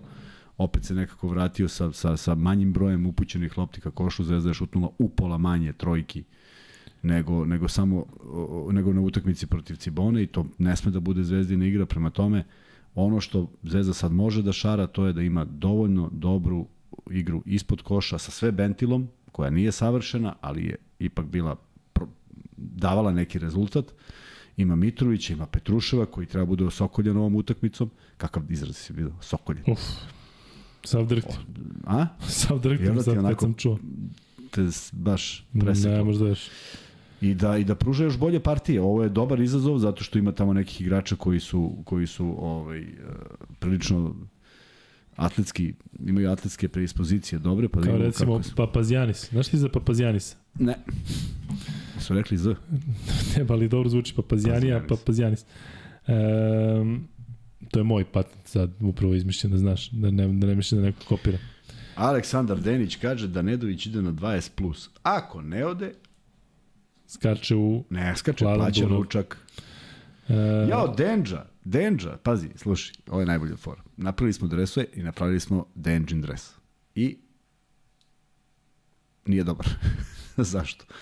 Velja je pravio i ja prvi koji sam izvadio piše Denžda. I zovem Velju, Velja kaže, moguće? Kaže, toliko sam se skoncentrisao baš na taj dres. Tako da Denđo ovaj, stiže. Da. Denžda. Ako, a ako želiš da bude Denžda, što još bolje, ti javi ovde, pa ako je Denžda, svi znaju da si ti, a nama posao manje. a kad smo već kod dresova, Mikses je ovo namerno okači ovako Kuzma, Kuzma, Luka, a? Ili, ili je Svaki put je tako. umetnički, a? Ma da, bre. Um, Bogdan Spasić je donirao, hvala Bole. E, Kuzma, Spale, imam, ja ga zovem Spale, ako ti znaš da je on bole. imam Kuzma jedno, Ovo je egzotično pitanje ponovo. ne možda, pa to je drugo, A, drugo, drugo, a, drugo egzotik Šta je pitanje. bilo prvo egzotično? Luka, daj kratku analizu, od pre par dana prenosio si, hoću, samo bez, bez, bez brige, prvo da Kuzmu pitam ovo, slušajte, slušajte ovo, Aj. Kuzma, Ja se bojim celo večer, ti si u Zvezdi direktor ili nešto si, nešto si u Ne otkrivaj, ne otkrivaj. Da. Da li zoveš Deju Radonjića i pitaš Dejo, ajde nam pomozi malo oko Panathinaikosa, nas pustio si tim pred naravno, naravno. Jel misliš da je to urađeno? Ne ja znam, mislim da Tuško Ivanović to nije uradio sigurno, sad će on ne zove Deju Radonjić ne znam zaista. Ali jel misliš da takve stvari imaju smisla? Imaju. Deja Radonjić je taj, ako neko poznaje igrače Imaju. i ako imaju. zna i akcije koje igraju, ovi Seferis jeste po, po nešto promešao tu, ali to je Vidi. otprilike to. E, bio nam je gost Čanak i Čanak u jednom, u jednom momentu igrao protiv e, Ulma. I moj drug iz Dal Antwerpena ili gde li je, treba da igra protiv Ulma i kontaktira me i kaže, može ča ja ih spojim i Čanak mu čitav scouting ovaj njemu, ovaj njemu za sledeću utakmicu i to mislim da je da je potpuno legitimna stvar, što bi sad ti I nešto nema spremao. veze sa tim što je Radonjić otišao na neki način koji nije bio Pa baš ima, idealan. ima, ali on može da, da, da kaže nešto ako je neko zainteresovan. Ne znam koliko je praksa, jer on je sad slobodan Te sam kažem slobodan Strelac, čovjek. Te strelac. sam kažem slobodan čovjek. Slobodan, iz slobodan trener, nema nikakve obaveze, nije u klubu. Ne znam, verovatno je negde i na ovim područjima, ne verujem da je ostao u Atini. I, ovaj, I naravno da može da pomogne u tim nekim segmentima. Da li je, ne znam, to zavisi od nekih njihovih odnosa možda ili čega god, ali ne, ne bi bilo nelegitimno da se to uradi. E, dobro, dobro pitanje, još bolje odgovor. Jedno pitanje, ko bi trebalo da čuva bejkona sutra? I Šiler odgovara, sam se čuva bejkon. bejkon će sutra, da odmah znate, ubaciti zvezdi između 20, odnosno preko 20 poena, zato što je 100% sigurno da će sutra siliti. A oni kada sili, dakle, puštaju ga, može mu se i protiv zvezde moguće da ima neki, neki motiv više, zato što se pominjalo da će doći, a pritom, postoji tu jedna druga stvar, dakle, Bacon, e, Bacon mora da se dokaže zato što je protiv Monaka dao 10 poena u 2 minuta i Bacon će neko ko će sutra sigurno da sili. Dakle, i kažem vam, ubacit će preko 20 poena, nemojte da brinete. Ali ko bi mogao da čuva takvog igrača Ja bih koji tri napada igrača promenio njemu i svaki koji napravi tri penala izlazio i dok naprave devet. I Bacon ne bi, Ali ko je trojica? kogo treba. Bentil, Lazarević, Penti, Lazarević, Marković. ba, ako treba i Marković. Tako, ako to. treba Marković, Da nek te ne šutiramo prođe, preko tako. Markovića. Tako, Markovića ne bi prošao sigurno, a ako bi prolazio, prolazio bi zajedno s njim, tako da nosio bi i njega. Prema tome, sve, sve te neke stvari, kad, a pogotovo što možeš da proceniš da li on rešio to tako da igra. I ako jeste, još bolje, on, on izgori potpuno, jer nema koša iz igre. Da. Što ga duže nema, to je veća nervoza. Tako da takvi igrači se prepoznaju. A Koliko je Papajanis opasan, on ima katastrofalnu sezonu, ali jedan On je centar, ali on je i dalje nezadovoljan. Da, pa Ali sam- on, ja sam mislio da ima od problem sa Radonjićem, da. on opet nešto mrđa sebi, pritom ono nije, nisu potezi kapitena, ti kad si kapiten ti se ne ponašaš kao neka uređena baba Jeste, Simana. Jeste, jeste, ali njemu je možda pun kufer tih nekih igrača koji su došli ovde, ja ne znam ni kakve on ugovor ima, ni kakvi odnosi vladaju tamo, ali jednostavno mislim da jedan igrač e, tog profila i reprezentativac Grčke i neko ko je posvećen tom klubu može da oseti da li nekog igrača savršeno zabole šta će se desiti na kraju sezone i e, proceniš ko tu pravi sebi statistiku, ko pravi sebi priču, a ko je stvarno tu nešto krenuo da ovaj, grize za zeleno, zeleni dres. Prema tome ima tu svega. Krizu zeleni dres. Ne? Da grize za zeleni dres. A, čuo sam te. Nego reci mi, e, imam, jesi spreman za još jedno, jer ti, kako ti se dopalo ovo dva, egzotično ova dva pitanje? egzotična su bila najegzotičnija pitanja koje sam ikad dobio. Hoćeš treći sad da Hoću, izvučem? hoću. E, Da sam ja, reprezentacija, molim te kreni, da sam ja, reprezentacija Srbije igrala nedavno protiv Grčke. To To je je kakva to pitanje. dramska pauza. na što pitanje? Da li... Igrali su. Igrali su, da. Grčkoj ništa nije trebalo, a reprezentaciji Srbije je trebalo da tim... Da tim- možemo preslikamo taj pristup igri? Da, možemo. Da li će oni Možemo biti i ne sme, opušteni? i ne sme. I to je, to je sada, to je sada a, zaista pitanje za Ivanovića, Duška, a Ne za zašto Nikolu, a? mislim da neće, da ne za Nikolu, a zašto mislim da neće, zašto je Kampaco željan da igra košarku. I neće dozvoliti možda na terenu takav neki pristup. Jer njemu se produžava ova sezona najduže moguće. Da, da. Walters ne igra, ne bi trebalo da igra. Da, E, Bekovska linija Panathinaikosa je jako skromna. Matt Thomas je odličan šuter, ali ima zvezda defanzivce koji mogu da ga zaustave.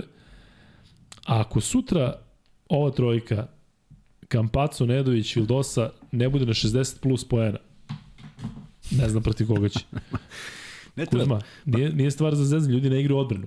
I pritom ovi koji igraju odbranu Znam, ali Vidiš, recimo, ali recimo oni i odluče, ali recimo oni odluče, ajde gledamo kako je Zvezda igrala protiv Cibone, sad ćemo mi stanemo svi u reket. I Zvezda počne da igra isto kao protiv Cibone. I krene nervoza. Znači nije to rešenje. Ne treba i daju 60 plus, nego treba da se bira najbolja moguća pozicija. Ja bi, ja bi razbijao Panathinaikos reketom. I svaka povratna puni pali. Nikakav problem. Ali šta ako budu igrali nešto što što je atipično? I ti pomisliš, bože, stalno sam sam. Da, ali imao si e, Kampaca koji je šutnuo koliko, 3 od 3 trojku. Imao si Nedovića koji je šutirao A rezonski imao si samo dva dana pre toga su šutnuli Dva dana pre 41. toga protiv Cibone. Pa ovo su dva dalja dana, ovo su sad dva nova dana, nema tu sad isto šta će bude, neće u istim Stvarno mislim da procentima. može da se vrati Zvezda na taj loš mod. Sve je moguće, Nakon svega što definitivno. protiv Sve je definitivno moguće, Pa ja se moguće, nadam da. da neće da se vrati zato što će igrati pametnije, zato što će zato što mi kada kada vratimo film kakav god Bentil bio što se rešenja ispod koša tiče, opet će otvorena utakmica biti tako da Bentil siđe dole i da primi loptu i da pokuša da koš, da bi je samo uveo u igru. I to mora bude i mora se koristiti to i svaki taj neki, neki neka serija tih trojke mora se prekine nečim takvim. Petrušev, Kuzmić, Bentil, kogod mora da rešava iz reketa da imaju i jednu i drugu igru. Papa Janis je jedini centar koji je visok, koji može da parira Kuzmiću, sve ovo ostalo u, u formi u kojoj jesu, u motivima u koji jesu, zaista Zvezda treba bude u svakom smislu u prednosti. Ja sam na početku sezone rekao da će Andrew Andrews biti um, onako odmah ugašen da će napustiti tim. Meni stvarno nije jasno kako on i dalje u Panathinaikosu. Ne, ne, ali on nema ga nigde. Ja ne znam ko je to, pa valjda ga se odrekneš, pustiš ga, nek igra tamo za Larisu ili nek, nek, nek ode u Eurocup negde, pominjao se za budućnost. Andrew Andrews je i dalje u Panathinaikosu, promenio se trener, dobijaju igrači, potpuno rezervisti dobiju šansu, od njega ni traga ni glasa. Šta se dešava, to meni stvarno nije Da, jasno. da, nejasno. Dakle, mislio sam da je neki problem sa Radonjićem, očigledno da nije, ne mogu u ekipu. A da, ima i ovog visokog, Gedreitis, ili tako? Godeitis, kako zove? Godeitis? Ne igra, on, on je povređen. On je povređen isto. Da. Da. Pa eto, nema tu onda... E, Samo ne uči, aha, ovi ne igraju Žika, Mika i Pera, e, sad će to sve lako, nego ova energija. I ako imaju malo, malo pameti, ja verujem da imaju, tako će i ući. E, Paris Lee je opasan, zna da uđe u seriju, voli da se nadigrava, nekako je jedan od onih igrača koji čini mi se ne zanima da li Panathinaikos na 2.20 ili na On igra 15, svoju igru, 13. tako je, ali ima Jeste. i nekih stvari koje nemaju veze s mozgom, pa prolaze ili nekad ne prođu, pa Jel, se imaš taj uklopi. utisak, a? Da, uklopi se nekad u sivilo ovaj, sa nekim idejama koje ima, a nekad stvarno bude neko ko prom, pokrene ekipu i promeni rezultat. On ima tu energiju, uopšte nije loš, da je malo smireniji, pa bi možda bio i racionalniji, ovako, deluje mi da je prebrz za košarku. E, sećaš se momenta kada si ti rekao u jednom trenutku da je Gudaitis jako brz da igra u brzom ritmu, ovaj čovjek ne odvaja Ovaj noge od, od, e, Kuzma i da, ja ću kasnije da pričam o igračima pojedinačno, ali reci mi, e, Matuš Ponitka, znamo kakav je bio na evropskom prvenstvu, samo, sezoni se tada, I samo sve tada znamo da, da je, i sad će došao do triple dubla i to je to. To je najveći uspeh koji je napravio.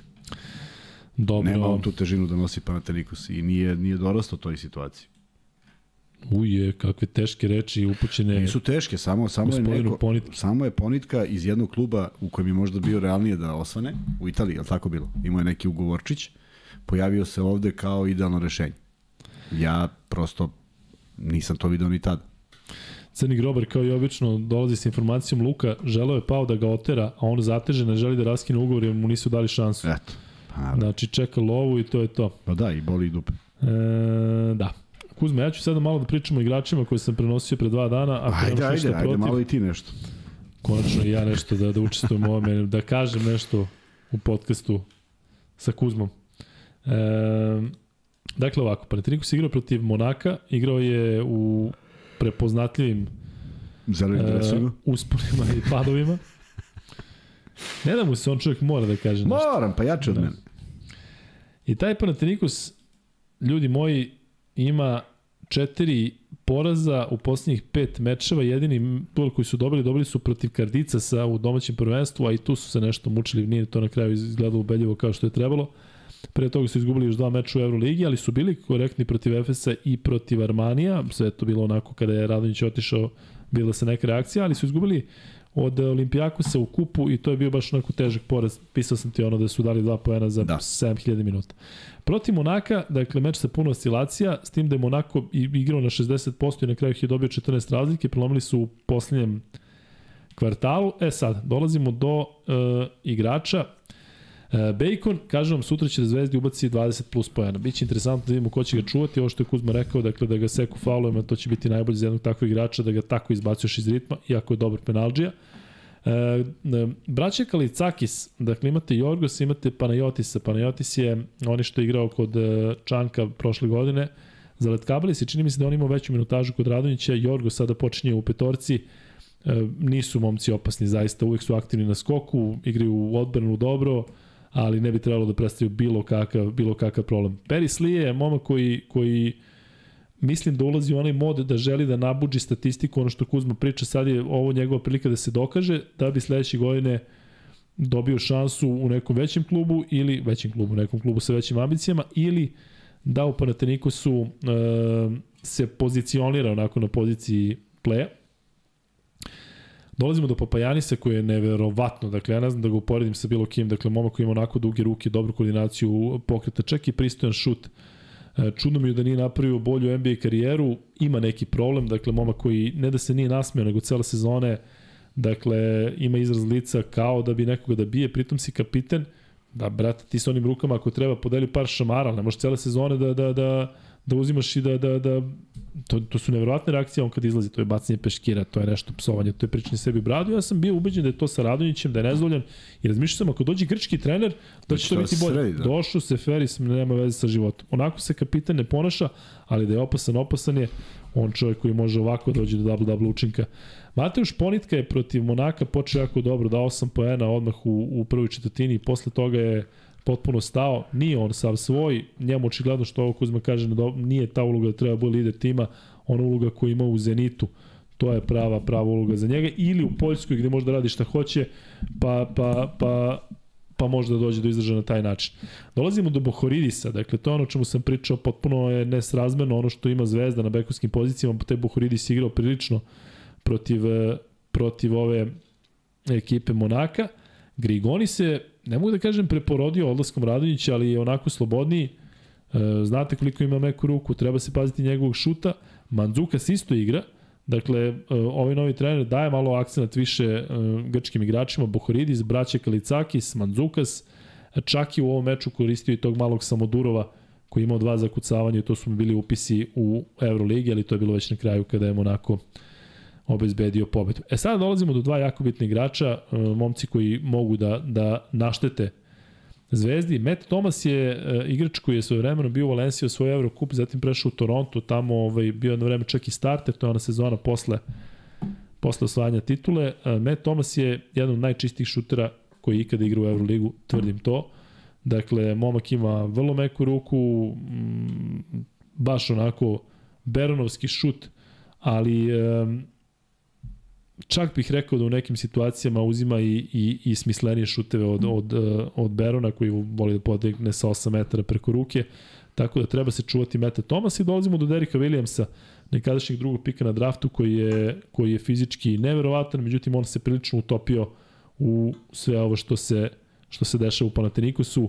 Delo da nema neku energiju, ali igrač koji može nekim zakucavanjem da malo promeni tok utakmice i on sada u ovoj situaciji ima veliku slobodu Tako da Matt Thomas i Derek Williams u ovoj celoj priči su e, potencijalno opasnost za zvezdu, ali opet kažem, Bacon, Lee i Ponitka i Papajanis pod košem, to treba paziti.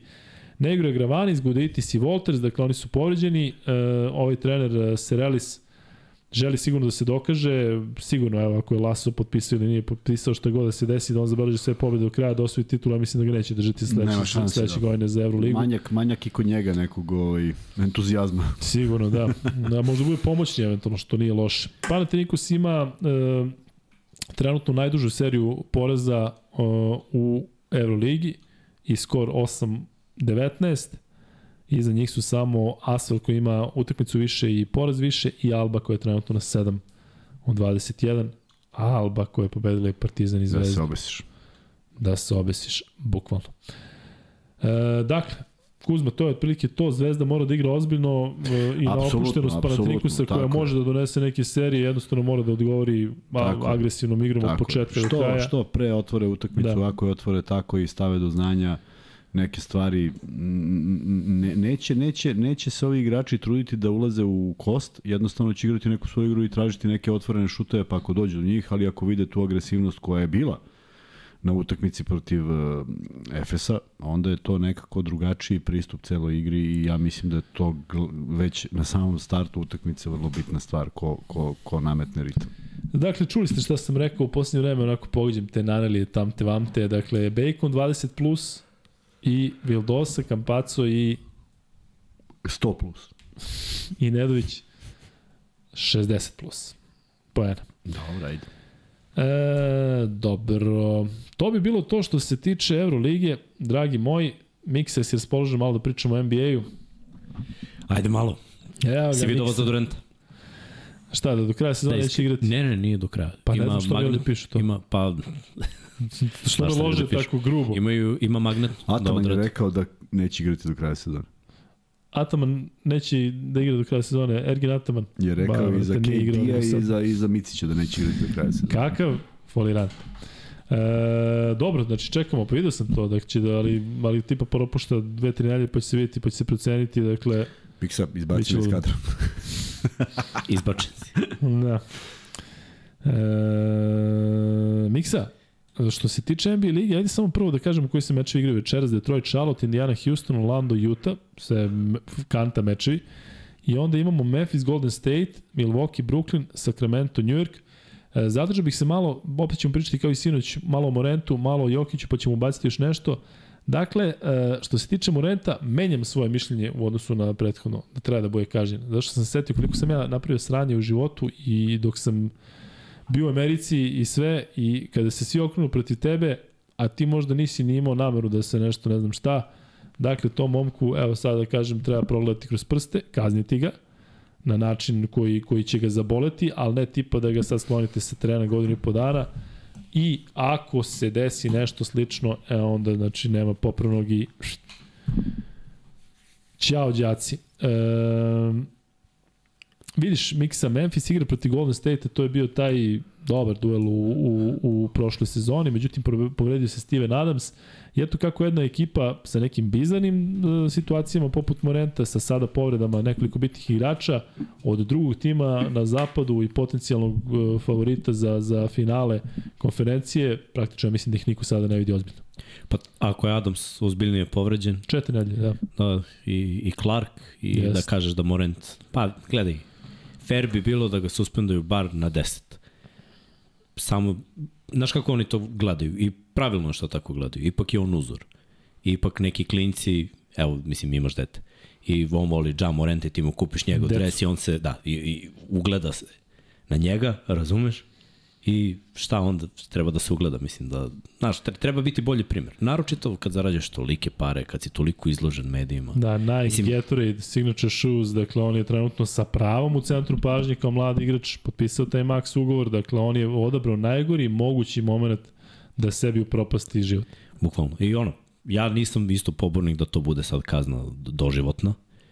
Zato što sam pročitao da ga neće tužiti, da ga Neće, neće da, da. zakonski ovaj, Goniti. goniti. Jure goniti tako i da, da neće ići u zatvor, ali ovako što se tiče lige, mislim da, da ima smisla desetak utakmica, jer ako bude bilo iš- više od toga, onda taj Memphis možemo samo prežvrljamo, jer bez njega Jeste. i bez ovih drugih igrača to je ćao zdravo. E sad mene zanima šta će raditi Phoenix be, bez Durenta, jer znaš kako, neće se uigrati on je dovoljno. On je tek krenuo jednu utakmicu, bio je okej, okay, Booker je u nekoj dobroj formi, ali ako se ne uigraju sva trojica, su potrošači, naročito Booker i Durant kao potrošači, Da, da. njih dvojica ako se ne uigraju do play-offa i nalete na neku ozbiljnu ekipu i to može da bude doviđenja. Da. Mislim da su navikli da igraju ova trojica. Dakle, Paul, Leighton, Booker i jesu dali mnogo za Durenta, ali mislim da ne se neće toliko osetiti. Pazi, ti imaš situaciju da su recimo Chris Paul i Kevin Durant igrali zajedno u reprezentaciji 2012. godine. Nije to sad neki period 10 utakmica protiv protivnika koji ti nisu, nisu ni blizu. Ali imaju oni neku hemiju i mislim da bi mogli brzo njih dvojica da se naviknu. Ono što mene brine, e, ta potrošnja Bukera i Durenta, ali Buker je sazreo, koliko god ovako pravi i dalje se nešto sprdao na, na, na utakmicama, mislim da je Buker sazreo i da je posle onih 2-4 u finalu potpuno podređen tome da se da se e, da radi bilo šta treba u timu. On je verovatno svestan sada da da nije prva opcija i da kada se lomi utakmica da će Kevin Durant da uzme loptu. To, ne znam da li ima neko ko bi rekao je ne, daj meni ipak. Možda Pa ja mislim da je Booker taj lik koji, koji bi u nekim Misliš, trenucima i, i rekao da je, jer vreme, mislim pričao si o tome koja je razlika između tih evropskih i svetskih igrača koji nisu iz Sjedinih američkih država, koliko su oni dobri i neko mora tu da iskuči. Mislim, na koji drugi način ćeš da se dokažeš ako ne da preuzmeš odgovornost da. kada je sve na, ono, na crti. Moglo bi da bude, ali opet pametnije je igrati na Duranta. E sad mene zanima da vidim koliko je ovo ozbiljno, jer kažu da je bilo otoka, i ako magnetno ne pokaže da, da, da je neka ozbiljnija povreda, mislim on je već Da. bio on, u walking boot, u čizmi, tako da to je bar nedelju dana. Dobro, jeste nezgodan deo sezone, ali što se tiče Bukira, moram priznati da sam tog momka prilično zgotivio, ima nekoliko razloga.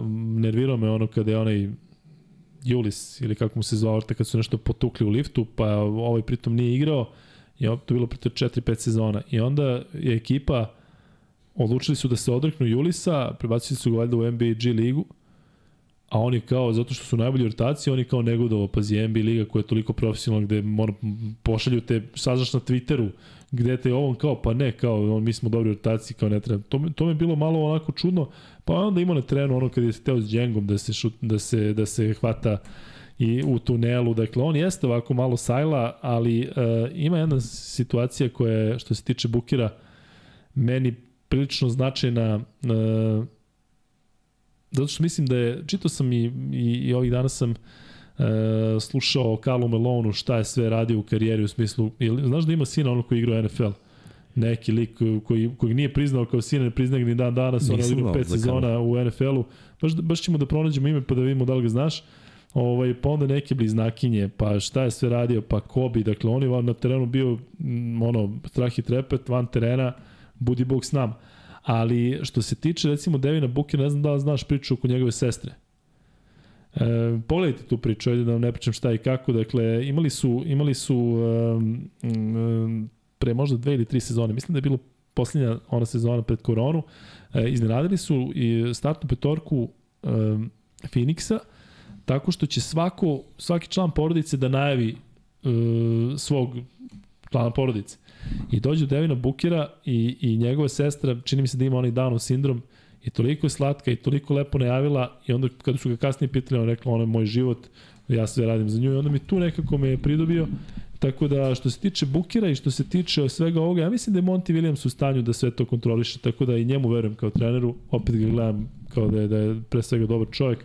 Darko Raković je ovde pričao o Monty Williamsu koliko je značan, tako da mogu ti reći da verujem u njih. Ejton mi je enigma, Ejton je neko ko može da odradi mnogo, a opet je bilo toliko problema, kakav ugovor, ovaj ugovor, on mi je nekako nestabilan u, u svemu tome, znaš. Ali mislim da je ovo, recimo, pričali smo to i ranije, mislim da je ovo sezona za Krisa Pola kada je biti ili ne biti, znaš. Ako sad ne... Sigurno. Pa evo, juče bio tu asistencija o double-double. Mislim, no. on kad treba odigra dobro i on i Ejton ta igra 2 na 2 isto može dosta da znači, sad zavisi kako će da prave rotacije, ali bi, bit će zanimljivo. Meni je zapad onako zanimljiviji ja, nego isto. Ne gledam. Ajde jer... moja, gledam zbog Bogdana i gledam, kažem ti, volimo neke klince. Na, na, na, ovo, tamo znaš da su Boston i, i, i Milwaukee. Milwaukee, da, i to, a bilo šta, sem da oni igraju u finalu konferencije. Je, Mene bi bilo iznenađenje, iskreno. A da, šta će New York da... da, da... Pre svega defanzivno. Jasno, A, ako da, pogledam defanzivno kako igraju timsku odbranu, jedni i drugi, mislim Milwaukee, kad pogledaš raspon ruku, da. kako god petorku da napravo, ono, Jeste. igre, igre protiv onoga. Memphis je počeo protiv Golden State Warriorsa, ja bih volao da Kenny Lofton Jr. dobije, dobije šansu sada kada više nema ko da igra, mora valjda da, da, da, da, malo, da malo i on bude na terenu. Uh, Milwaukee, Brooklyn, to uvijek je interesantan meč, mada sada kada u Brooklynu nema više nikoga, nema šta tu, nije više. Pa krenuli su oni da pobeđuju. Jesu, ali vidim da su Kema Tomasa stavili, sveli su ga na nekih 5 minuta, on mi je bio onako interesantan sa Dividijem, kako je funkcionisao u napadu, međutim sada, evo, kažem ti, tre, treći četvrta utakmica igra 5 ili 7 minuta. I evo interesantan meč je ovaj Sacramento, New York, to su dve, pa rekao bih, dva najprijatnije iznenađenja ove sezone na zapadu i istoku. Sacramento koji je ono drugi i e, zaista tokom cele sezone oni igraju i lepu košarku i vode ih Fox i Sabonis i svi ostali daju doprinos. Dobar trener, meni, ja stvarno, rekao sam da Sacramento ne vidim u, u play-offu, a kad su bili ovako dobro pozicionirani, rekao sam da će pasti između 6. i 9. pozicije, očigledno sam pogrešio. New York sa druge strane, ta jedna malorozna franšiza koja, koja sad igra dobro, Uh, nije loše to za, za, za NBA ligu, a? Pa nije. Miksa da... E, ali znaš kako me New York, dok smo radili baš podcast i pričali smo, oni su vodili na polovremenu, mislim da je bilo protiv Oklahoma Dobro. pre dva dana. Mislim da su imali 15 razlike i onda su primili 40 nešto u trećoj četvrtini izgubili na kraju. Ma klinci iz Oklahoma nisu normalni, oni ovaj, kažem ti, Anji Gotima da mislim da će pasti da neće biti on play-inu i o tom potom. A mi sad dolazimo do momenta kada ćemo da pričamo o, o Perkinsu i o svemu ome što se desilo, ali prvo bih hteo da, da mi kažeš, pošto evo vidim da igra Detroit, vidim da igra Houston, a tu je negde i taj treći tim koji, koji za Vembanjamu će konkurisati San Antonio Sparsi. Reci mi, šta misliš o Vembanjami? Da li je rano da imamo bilo kakvu neku projekciju za tog momka?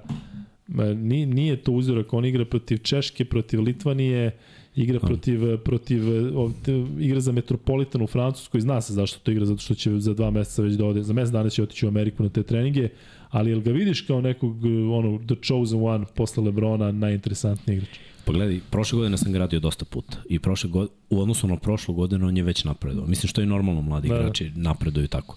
E sad, radio sam sad utakmicu uh, Francuske za, na kvalifikacijama da, za, za svetsko. Kad je zakucao oni preko njega. Majde što je zakucao preko njega. To, to samo pokazuje jednu stvar, da njemu treba dosta uh, Tako mišića ne. da nabaci, malo duđu da i u teretanu. Ali on je isto preko tog balvana pogodio tri puta trojku sa 7,5 metara. Sve Bez balvana kosa. ili balvina? Balvina. dobro. Možda sam rekao balvina. Ali baš je dobro. Možda mi, se, jeste, možda mi pa, samo... Građem, građem je onako podsjeća. Nije, ne, nije, nije greška i simpatično. Ovo, ovaj, ali pazi, te trojke koje on pogađao, to je sve bilo bez koske. Znači, on da. za tu visinu ima ok koordinaciju, dobar šut, imao je neke asistencije, skokovi su bili ok, mislim, stvarno je bio najzapaženiji igrač, ali imao je neke poteze ko, koji tačno vidiš da je još mlad, još je zelen, pravi greške, Da. uh, šutevi sa polu distance, nešto što mora da 18 godina, rešava. tako. Da, pa, Mislim, klinac. ne, kad će ako sad neće? Da. I pazi, ja sam nekad baš sumnjao u te momke koji su jako visoki kao što je Janis bio, da, Da. da. može da se nabaci veliki, mislim sad Janis nije neki šuter, ali da se nabace kilogrami, kilogrami mišića i da on i dalje ostane mekan što se tiče šuta, i, ali opet da može da kontroliše tu silu. U mom sportu je to jako teško, u ovom sportu kad nabuđeš kilažu mišićima, postaneš drven, ali budeš sila baš. Sad ne znam koliko će oni raditi s njim, kako će raditi s njim. Ako neko može to da uradi, to su ovi stručnjaci iz NBA, njihovi Jeste. kondicioni treneri, on, oni imaju strength and condition coach, na, znači neko ko radi i kondiciju i ko radi snagu u teretani. Ali ako on to ne nabaci, on nema šta da traži Jeste, NBA. jeste. Jer njega svako može da, da, da gradi sada. Sa niskog Da. posta, ugurat će ga, u obruč će ga ugurati. Znaš šta, mislim da treba da budemo oprezni uh, zato što smo toliko očekivali od uh, Zajona, videli smo šta se dešalo s povredom, duše on imao povredu i na Duke i dok je bio na, na Williamsonu, Williamsonu, Williamsburgu, kako god se zvala ta srednja škola. Uh, evo sad imaš Holmgrena koji je isto najavljen kao neko čudo, čovjek će propustiti celu prvu sezonu. Bilo je takvih situacija sa Markelom Fulcom. Mislim da je najbitnije da on bude zdrav, pa da onda cenimo nakon prve polusezone ili, ili nakon cele sezone da imamo kakav je domet, ali mislim da nisu dobre destinacije gde ide. On ide dakle ili u Detroit ili u Houston ili u San Antonio. Dakle, to su, to su timovi koji će naravno graditi oko njega, ali da gradiš oko onog momka kada ga vidiš kako izgleda, to je baš nešto na duže staze i mislim da treba, ja ću to, to uraditi, nema šta da mislim da neko drugi radi, ali da Vembanjamu treba pustiti da se razvija i onda posle nekog perioda jednostavno možda donositi neke zaključke. Ovako, da sada govoriti da je on ovakav ili onakav, mislim da je, da je pomalo i neozbiljno. Pa rano je, znaš, ali mo, to je opet ono o čemu smo pričali, to, to se danas nameće, da ti moraš Jeste. da kreneš da pričaš o tome i, i gledaj, Yes. neko je to rekao, mislim da, da je Jordan rekao da danas plaćaš potencijal igrača pre nego što oni zapravo postanu igrači, pa zajedno je i potpisao ugovor i sve pre nego što je počeo da igra. Svi su pričali da ima više kilograma, da je on neverovatno eksplozivan za, za svoju masu, ali da možda će to biti problem. Da, toliko skokova, toliko eksplozivnih promena pravaca sa tom težinom. Za ovog momka je kontra.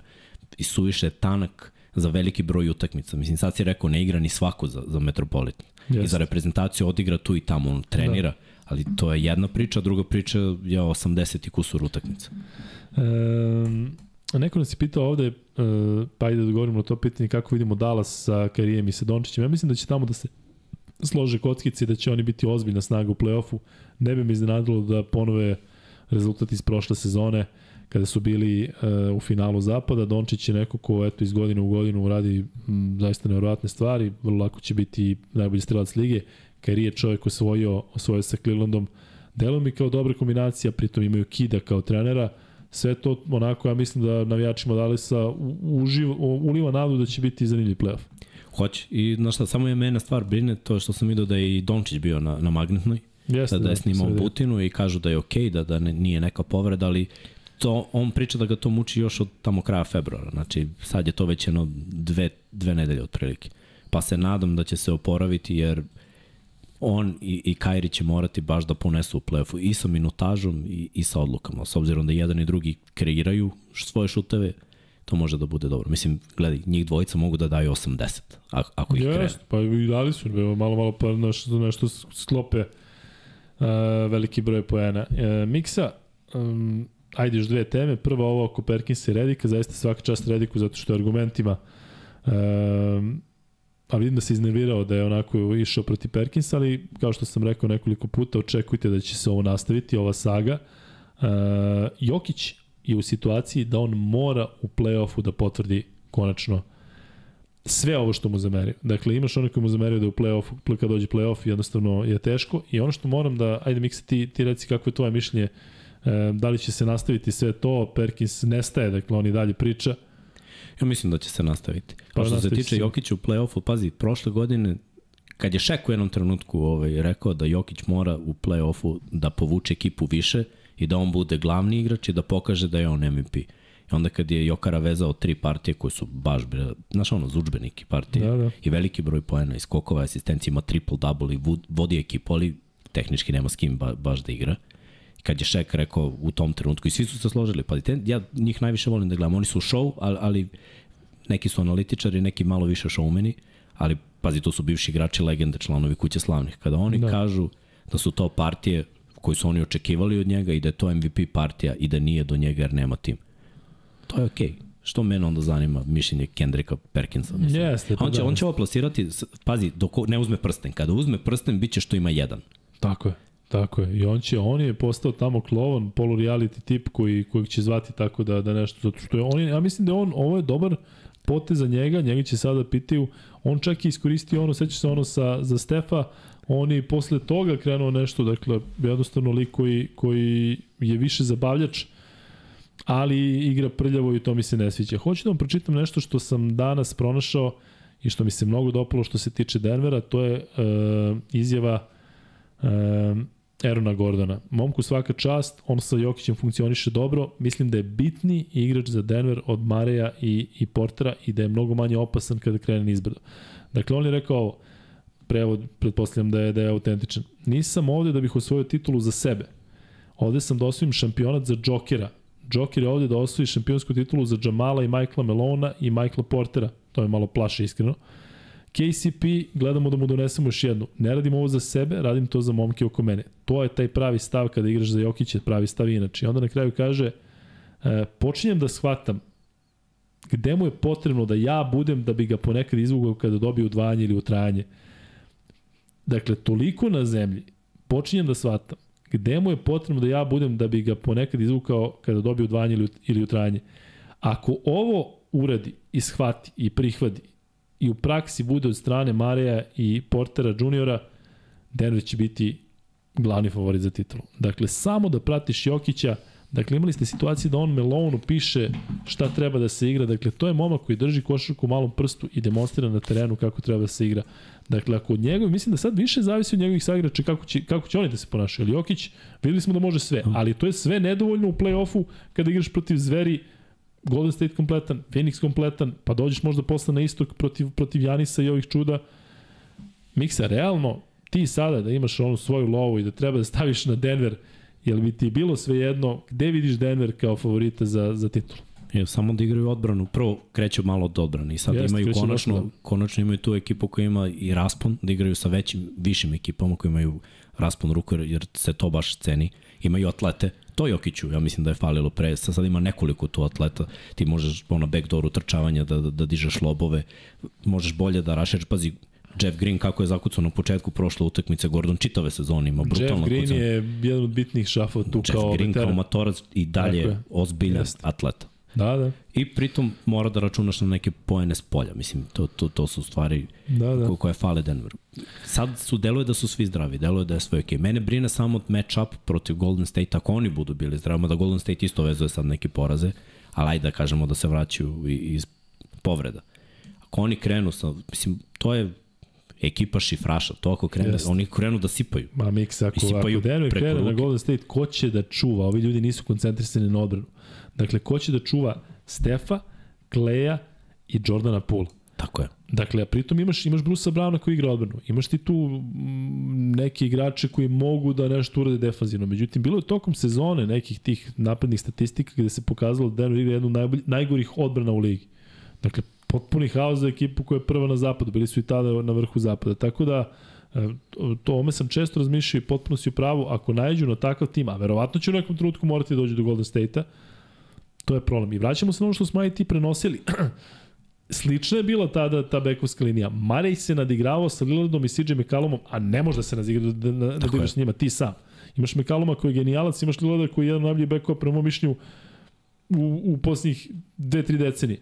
I on je krenuo da sa njima, sa njima roka. Tako da, ovaj, ne znam, kažem ti, Phoenix, Golden State, kako će to defanzivno Denver da rešava, Piti Boga. Ali smo već formirali neku trojku na vrhu. Yes, činjenica, da.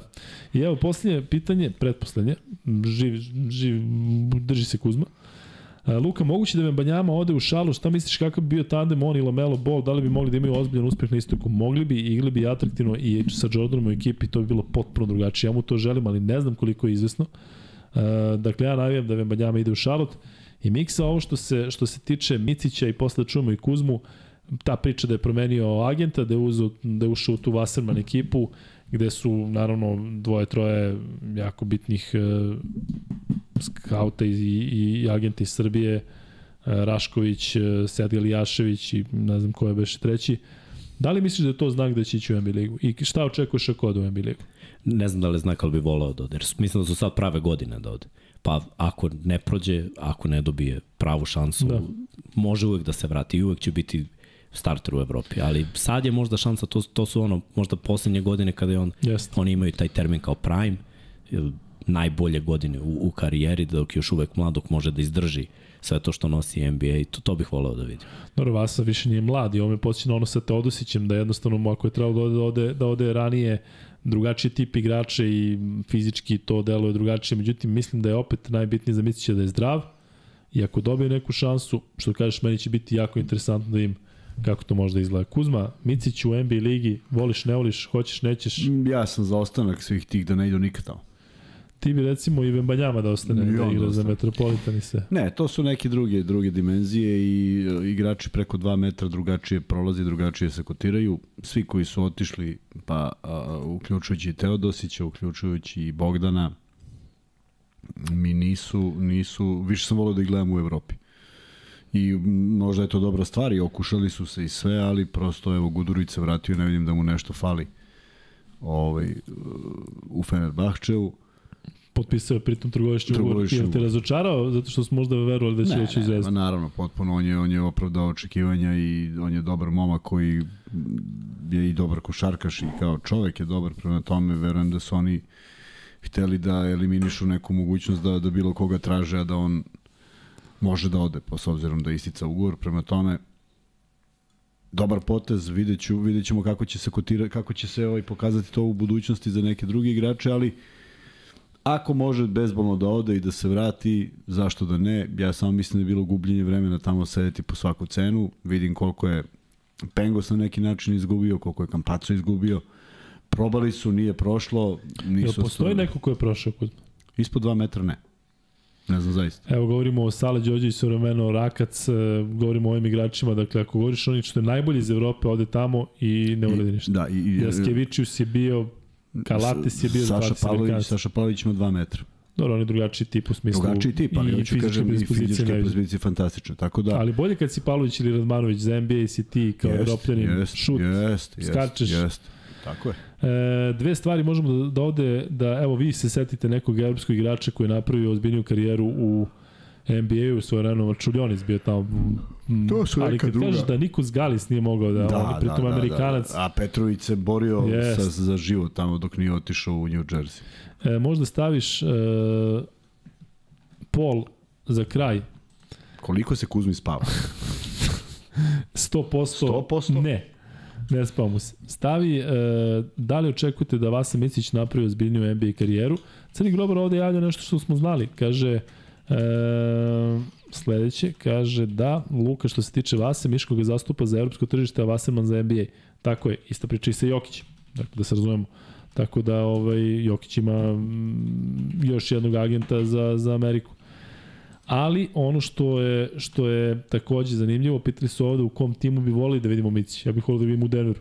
Gde ćeš bolje nego da igraš sa, sa, sa Jokićem, gde, gde je generalno na poziciji playa ima mesta. Ne možeš da ga vidiš, ne možeš da ga vidiš u, u, u Minnesota, u Oklahoma sa Gidijem, sa ovim malim Williamsom. Gde će Ne možeš nikako, ta, tamo ne možeš. Zašto mi to radiš? U Pa gde znam, 1 i gde 50? ga vidiš čoveče, pusti sada. Još nije ni otišao. Kuzma, hoćeš da ispucaš ti treći neko Neću, ja šarkaški sam drugi, freebet? ja sam puna buljošimika i dosta. Znaš da smo pali u kanal posle toga. Posle toga ili posle Posle Vembajane? toga. A zašto ne voli čovjek NBA ligu? Trebalo bi pol da bude. Šta treba da se desi da Kuzma ne zavoli, ne može da zavoli nikako, ali da se ne sprde sa NBA ligom? Šta treba da se desi? A? Svašta. Lazić da ode u NBA ligu. Zamisli Lazić ode i Kuriča. A? Da, sad pretjeruješ, nisam ja to rekao. Luka, gde je Darko Plavšić? Darko u Americi, pitali ste ceo dan i dolazi kad? Kuzma? 22.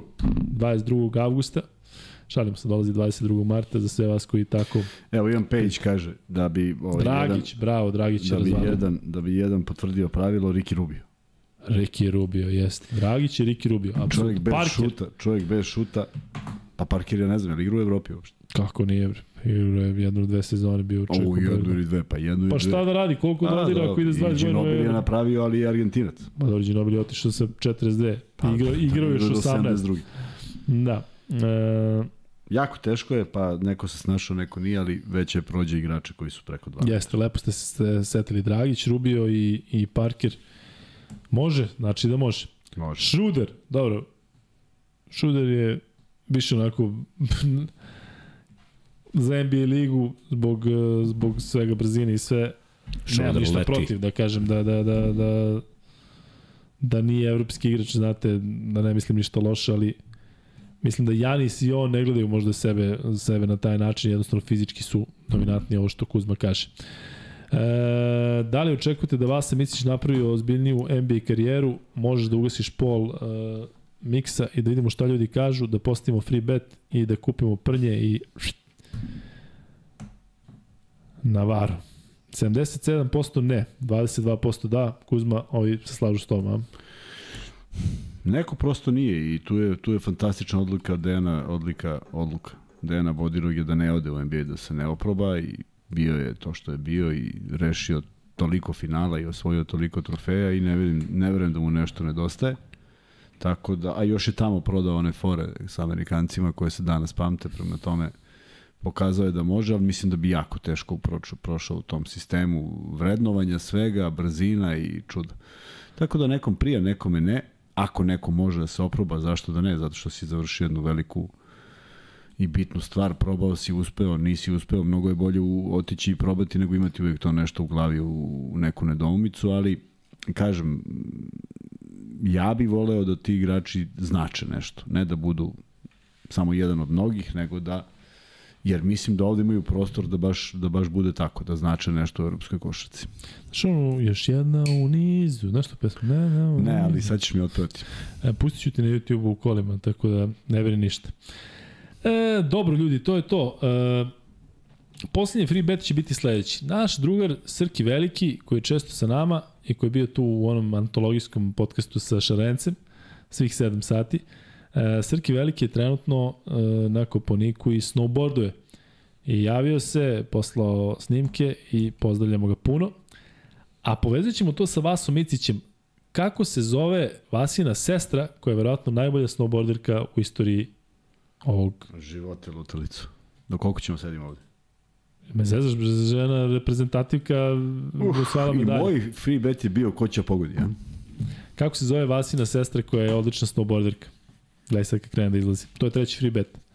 Puna bulja Šimika je bila u drugi, pa ćemo sada malo da, da, da se vratimo Nina, Milan Jovanović kaže Nina, bravo Milane. Pa Milan zna, Milan, Milanče, Milan sve zna. ne spava, pa zato zna.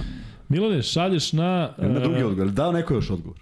Kako nije? Banja, Željana, Nikolina, Nina, Milica, Dragana, Sandra, Milica, Milica, Bojana. Milica, Jelena. A ne, to pišu koje ime. Da, da. Pa slučajno pogodi. Ljudi, mislim da je to bilo to. E, sutra se viđamo u onim jutarnjim satima od Pola jedan bi trebalo. Nadamo se, ako bude nekih promena, objavit ćemo blagovremeno. Hvala na druženju, još jednom tročasovnom druženju. Šteta što rezultat Partizana nije bio bolji, pa verovatno ovaj, bi bilo i interesantnije pričati o nekim uh, momentima sa same utakmice. Ovako nije bila utakmica za neko pamćenje. Ali vidjet ćemo sutra šta nas čeka, da li će nešto drugačije biti u Atini. Luka, humanitarni free bet, vidjet ćemo da, da to uradimo sledeće nedelje, to znam da volite da se igrate. Ljudi, ovakav je plan. Dakle, u pola jedan radimo naredne noći, e, kada završe naši drugari iz 99 yardi, predvođeni sa Miksom. Daj sad kao kada na tebe. Evo ga, Miksa. Dakle, i pričamo o, sigurno sam, pobedi Zvezde protiv Panatinikusa, ono što smo rekli, Zvezda igrala onako protiv Efesa, Zvezda igra u ponedljak derbi, Zvezda u tom u tom periodu mora da pobedi Panatinikus. Dakle, posle Efesa Da, da, da, i pre da, Partizana, da. Ako a želi posle da- onakve Cibone, Tako je. da, da, da se ne zaza zvezda.